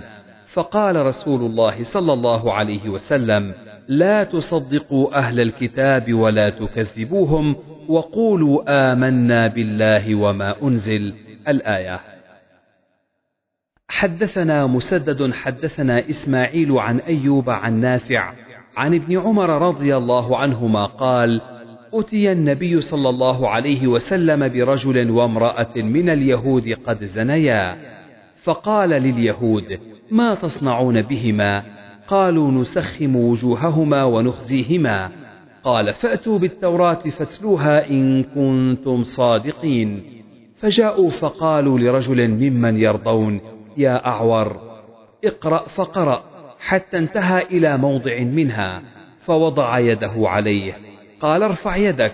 فرفع يده فإذا فيه آية الرجم تلوح فقال يا محمد إن عليهما الرجم ولكنا نكاتمه بيننا. فأمر بهما فرجما فرأيته يجانئ عليها الحجارة. باب قول النبي صلى الله عليه وسلم الماهر بالقرآن مع الكرام البررة وزينوا القرآن بأصواتكم. حدثني إبراهيم بن حمزة حدثني ابن أبي حازم عن يزيد عن محمد بن إبراهيم عن أبي سلمة عن أبي هريرة أنه سمع النبي صلى الله عليه وسلم يقول ما أذن الله لشيء ما أذن لنبي حسن الصوت بالقرآن يجهر به. حدثنا يحيى بن بكير حدثنا الليث عن يونس عن ابن شهاب أخبرني عروة بن الزبير وسعيد بن المسيب وعلقمة بن وقاص وعبيد الله بن عبد الله عن حديث عائشة حين قال لها أهل الإفك ما قالوا وكل حدثني طائفة من الحديث. قالت فاضطجعت على فراشي وأنا حينئذ أعلم أني بريئة وأن الله يبرئني. ولكن والله ما كنت أظن أن الله ينزل في شأني وحيا يتلى ولشأني في نفسي كان أحقر من أن يتكلم الله في بأمر يتلى. وأنزل الله عز وجل إن الذين جاءوا بالإفك العشر الآيات كلها. حدثنا أبو نعيم حدثنا مسعر عن عدي بن ثابت أراه عن البراء قال سمعت النبي صلى الله عليه وسلم يقرأ في العشاء والتين والزيتون فما سمعت أحدا أحسن صوتا أو قراءة منه. حدثنا حجاج بن منهال حدثنا هشيم عن أبي بشر عن سعيد بن جبير عن ابن عباس رضي الله عنهما قال كان النبي صلى الله عليه وسلم متواريا بمكة وكان يرفع صوته فإذا سمع المشركون سبوا القرآن ومن جاء به. فقال الله عز وجل لنبيه صلى الله عليه وسلم ولا تجهر بصلاتك ولا تخافت بها. حدثنا إسماعيل حدثني مالك عن عبد الرحمن بن عبد الله بن عبد الرحمن بن أبي صعصعة عن أبيه أنه أخبره أن أبا سعيد الخدري رضي الله عنه قال له إني أراك تحب الغنم والبادية فإذا كنت في غنمك أو باديتك فأذنت للصلاة فارفع صوتك بالنداء فإنه لا يسمع مدى صوت المؤذن جن ولا إنس ولا شيء إلا شهد له يوم القيامة. قال أبو سعيد سمعته من رسول الله صلى الله عليه وسلم. حدثنا قبيصة حدثنا سفيان عن منصور عن أمه عن عائشة قالت كان النبي صلى الله عليه وسلم يقرأ القرآن ورأسه في حجري وأنا حائض. باب قول الله تعالى فاقرأوا ما تيسر من القرآن حدثنا يحيى بن بكير حدثنا الليث عن عقيل عن ابن شهاب. حدثني عروة أن المسور بن مخرمة وعبد الرحمن بن عبد القاري حدثاه أنهما سمع عمر بن الخطاب يقول سمعت هشام بن حكيم يقرأ سورة الفرقان في حياة رسول الله صلى الله عليه وسلم فاستمعت لقراءته فإذا هو يقرأ على حروف كثيرة لم يقرئنيها رسول الله صلى الله عليه وسلم فكدت أساوره في الصلاة فتصبرت حتى سلم فلببته بردائه فقلت من أقرأك هذه السورة التي سمعتك تقرأ قال أقرأنيها رسول الله صلى الله عليه وسلم. فقلت كذبت أقرأنيها على غير ما قرأت. فانطلقت به أقوده إلى رسول الله صلى الله عليه وسلم. فقلت إني سمعت هذا يقرأ سورة الفرقان على حروف لم تقرئنيها. فقال أرسله اقرأ يا هشام. فقرأ القراءة التي سمعته. فقال رسول الله صلى الله عليه وسلم كذلك أنزلت. ثم قال رسول الله صلى الله عليه وسلم اقرأ يا عمر. فقرأت التي أقرأني فقال كذلك أنزلت. إن هذا القرآن أنزل على سبعة أحرف فقرأوا ما تيسر منه.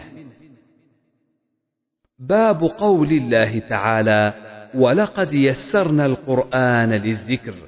وقال النبي صلى الله عليه وسلم كل ميسر لما خلق له. يقال ميسر مهيأ. وقال مطر الوراق ولقد يسرنا القرآن للذكر فهل من مدكر؟ قال هل من طالب علم فيعان عليه. حدثنا أبو معمر حدثنا عبد الوارث. قال يزيد حدثني مطرف بن عبد الله عن عمران قال قلت يا رسول الله فيما يعمل العاملون؟ قال كل ميسر لما خلق له. حدثني محمد بن بشار حدثنا غندر حدثنا شعبة عن منصور والأعمش سمعا سعد بن عبيدة عن أبي عبد الرحمن عن علي رضي الله عنه عن النبي صلى الله عليه وسلم أنه كان في جنازة فأخذ عودا فجعل ينكت في الأرض فقال ما منكم من أحد إلا كتب مقعده من النار أو من الجنة. قالوا ألا نتكل؟ قال اعملوا. فكل ميسر فأما من أعطى واتقى الآية. باب قول الله تعالى بل هو قرآن مجيد في لوح محفوظ والطور وكتاب مسطور قال قتادة مكتوب يسطرون يخطون. في أم الكتاب جملة الكتاب وأصله ما يلفظ ما يتكلم من شيء إلا كتب عليه. وقال ابن عباس يكتب الخير والشر. يحرفون يزيلون. وليس أحد يزيل لفظ كتاب من كتب الله عز وجل ولكنهم يحرفونه. يتأولونه على غير تأويله. دراستهم تلاوتهم واعية حافظة وتعيها تحفظها. وأوحي إلي هذا القرآن لأنذركم به يعني أهل مكة. ومن بلغ هذا القرآن فهو له نذير. وقال لي خليفة بن خياط حدثنا معتمر سمعت أبي عن قتادة عن أبي رافع عن أبي هريرة عن النبي صلى الله عليه وسلم قال لما قضى الله الخلق كتب كتابا عنده غلبت أو قال سبقت رحمتي غضبي فهو عنده فوق العرش. حدثني محمد بن أبي غالب حدثنا محمد بن إسماعيل حدثنا معتمر سمعت أبي يقول حدثنا قتادة أن أبا رافع حدثه أنه سمع أبا هريرة رضي الله عنه يقول سمعت رسول الله صلى الله عليه وسلم يقول إن الله كتب كتابا قبل أن يخلق الخلق إن رحمتي سبقت غضبي فهو مكتوب عنده فوق العرش. باب قول الله تعالى والله خلقكم وما تعملون إنا كل شيء خلقناه بقدر. ويقال للمصورين أحيوا ما خلقتم إن ربكم الله الذي خلق السماوات والأرض في ستة أيام ثم استوى على العرش يغشي الليل النهار يطلبه حثيثا والشمس والقمر والنجوم مسخرات بأمره ألا له الخلق والأمر تبارك الله رب العالمين. قال ابن عيينة بين الله الخلق من الأمر لقوله تعالى ألا له الخلق والأمر؟ وسمى النبي صلى الله عليه وسلم الإيمان عملا. قال أبو ذر وأبو هريرة سئل النبي صلى الله عليه وسلم أي الأعمال أفضل؟ قال إيمان بالله وجهاد في سبيله. وقال جزاء بما كانوا يعملون. وقال وفد عبد القيس للنبي صلى الله عليه وسلم مرنا بجمل من الأمر إن عملنا بها دخلنا الجنة. فأمرهم بالإيمان والشهادة وإقام الصلاة وإيتاء الزكاة فجعل ذلك كله عملا.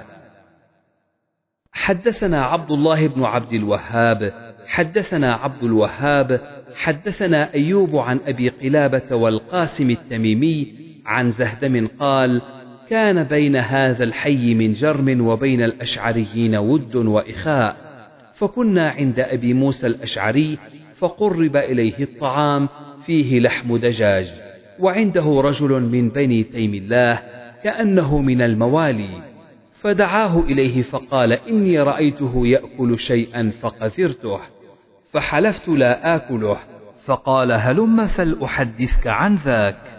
إني أتيت النبي صلى الله عليه وسلم في نفر من الأشعريين نستحمله. قال والله لا أحملكم وما عندي ما أحملكم. فأتي النبي صلى الله عليه وسلم بنهب إبل فسأل عنا فقال أين النفر الأشعريون؟ فأمر لنا بخمس ثود غر الذرى. ثم انطلقنا قلنا ما صنعنا؟ حلف رسول الله صلى الله عليه وسلم لا يحملنا وما عنده ما يحملنا ثم حملنا تغفلنا رسول الله صلى الله عليه وسلم يمينه. والله لا نفلح أبدا. فرجعنا إليه فقلنا له فقال لست أنا أحملكم ولكن الله حملكم. إني والله لا أحلف على يمين فأرى غيرها خيرا منها إلا أتيت الذي هو خير منه وتحللتها. حدثنا عمرو بن علي حدثنا أبو عاصم حدثنا قرة بن خالد حدثنا أبو جمرة الضبعي. قلت لابن عباس فقال قدم وفد عبد القيس على رسول الله صلى الله عليه وسلم. فقالوا إن بيننا وبينك المشركين من مضر. وإنا لا نصل إليك إلا في أشهر حرم. فمرنا بجمل من الأمر. إن عملنا به دخلنا الجنة وندعو إليها من وراءنا. قال آمركم بأربع وأنهاكم عن أربع. آمركم بالإيمان بالله. وهل تدرون ما الإيمان بالله؟ شهادة أن لا إله إلا الله وإقام الصلاة وإيتاء الزكاة وتعطوا من المغنم الخمس. وأنهاكم عن أربع لا تشربوا في الدباء والنقير والظروف المزفتة والحنتمة حدثنا قتيبة بن سعيد حدثنا الليث عن نافع عن القاسم بن محمد عن عائشة رضي الله عنها أن رسول الله صلى الله عليه وسلم قال: إن أصحاب هذه الصور يعذبون يوم القيامة ويقال لهم أحيوا ما خلقتم. حدثنا أبو النعمان حدثنا حماد بن زيد عن أيوب عن نافع عن ابن عمر رضي الله عنهما قال: قال النبي صلى الله عليه وسلم: إن أصحاب هذه الصور يعذبون يوم القيامة ويقال لهم أحيوا ما خلقتم. حدثنا محمد بن العلاء حدثنا ابن فضيل عن عمارة عن أبي زرعة سمع أبا هريرة رضي الله عنه قال: سمعت النبي صلى الله عليه وسلم يقول: قال الله عز وجل: ومن أظلم ممن ذهب يخلق كخلقي فليخلقوا ذرة أو ليخلقوا حبة أو شعيرة. باب قراءة الفاجر والمنافق وأصواتهم وتلاوتهم لا تجاوز حناجرهم. حدثنا هدبة بن خالد، حدثنا همام، حدثنا قتادة، حدثنا أنس عن أبي موسى رضي الله عنه عن النبي صلى الله عليه وسلم قال: مثل المؤمن الذي يقرأ القرآن كالأترجة طعمها طيب وريحها طيب والذي لا يقرأ كالتمرة طعمها طيب ولا ريح لها. ومثل الفاجر الذي يقرأ القرآن كمثل الريحانة ريحها طيب وطعمها مر. ومثل الفاجر الذي لا يقرأ القرآن كمثل الحنظلة طعمها مر ولا ريح لها. حدثنا علي حدثنا هشام أخبرنا معمر عن الزهري حا. وحدثني أحمد بن صالح حدثنا عنبسة. حدثنا يونس عن ابن شهاب أخبرني يحيى بن عروة بن الزبير أنه سمع عروة بن الزبير قالت عائشة رضي الله عنها سأل أناس النبي صلى الله عليه وسلم عن الكهان فقال إنهم ليسوا بشيء فقالوا يا رسول الله فإنهم يحدثون بالشيء يكون حقا قال فقال النبي صلى الله عليه وسلم تلك الكلمة من الحق يخطفها الجني فيقرقرها في أذن وليه. كقرقرة الدجاجة فيخلطون فيه أكثر من مئة كذبة. حدثنا أبو النعمان حدثنا مهدي بن ميمون.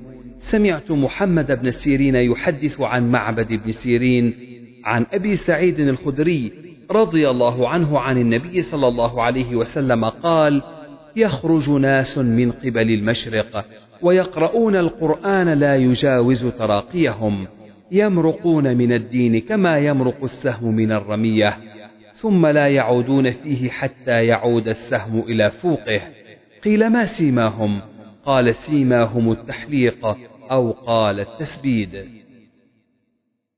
باب قول الله تعالى ونضع الموازين القسط وأن أعمال بني آدم وقولهم يوزن. وقال مجاهد القسطاس العدل بالرومية. ويقال القسط مصدر المقسط وهو العادل وأما القاسط فهو الجائر.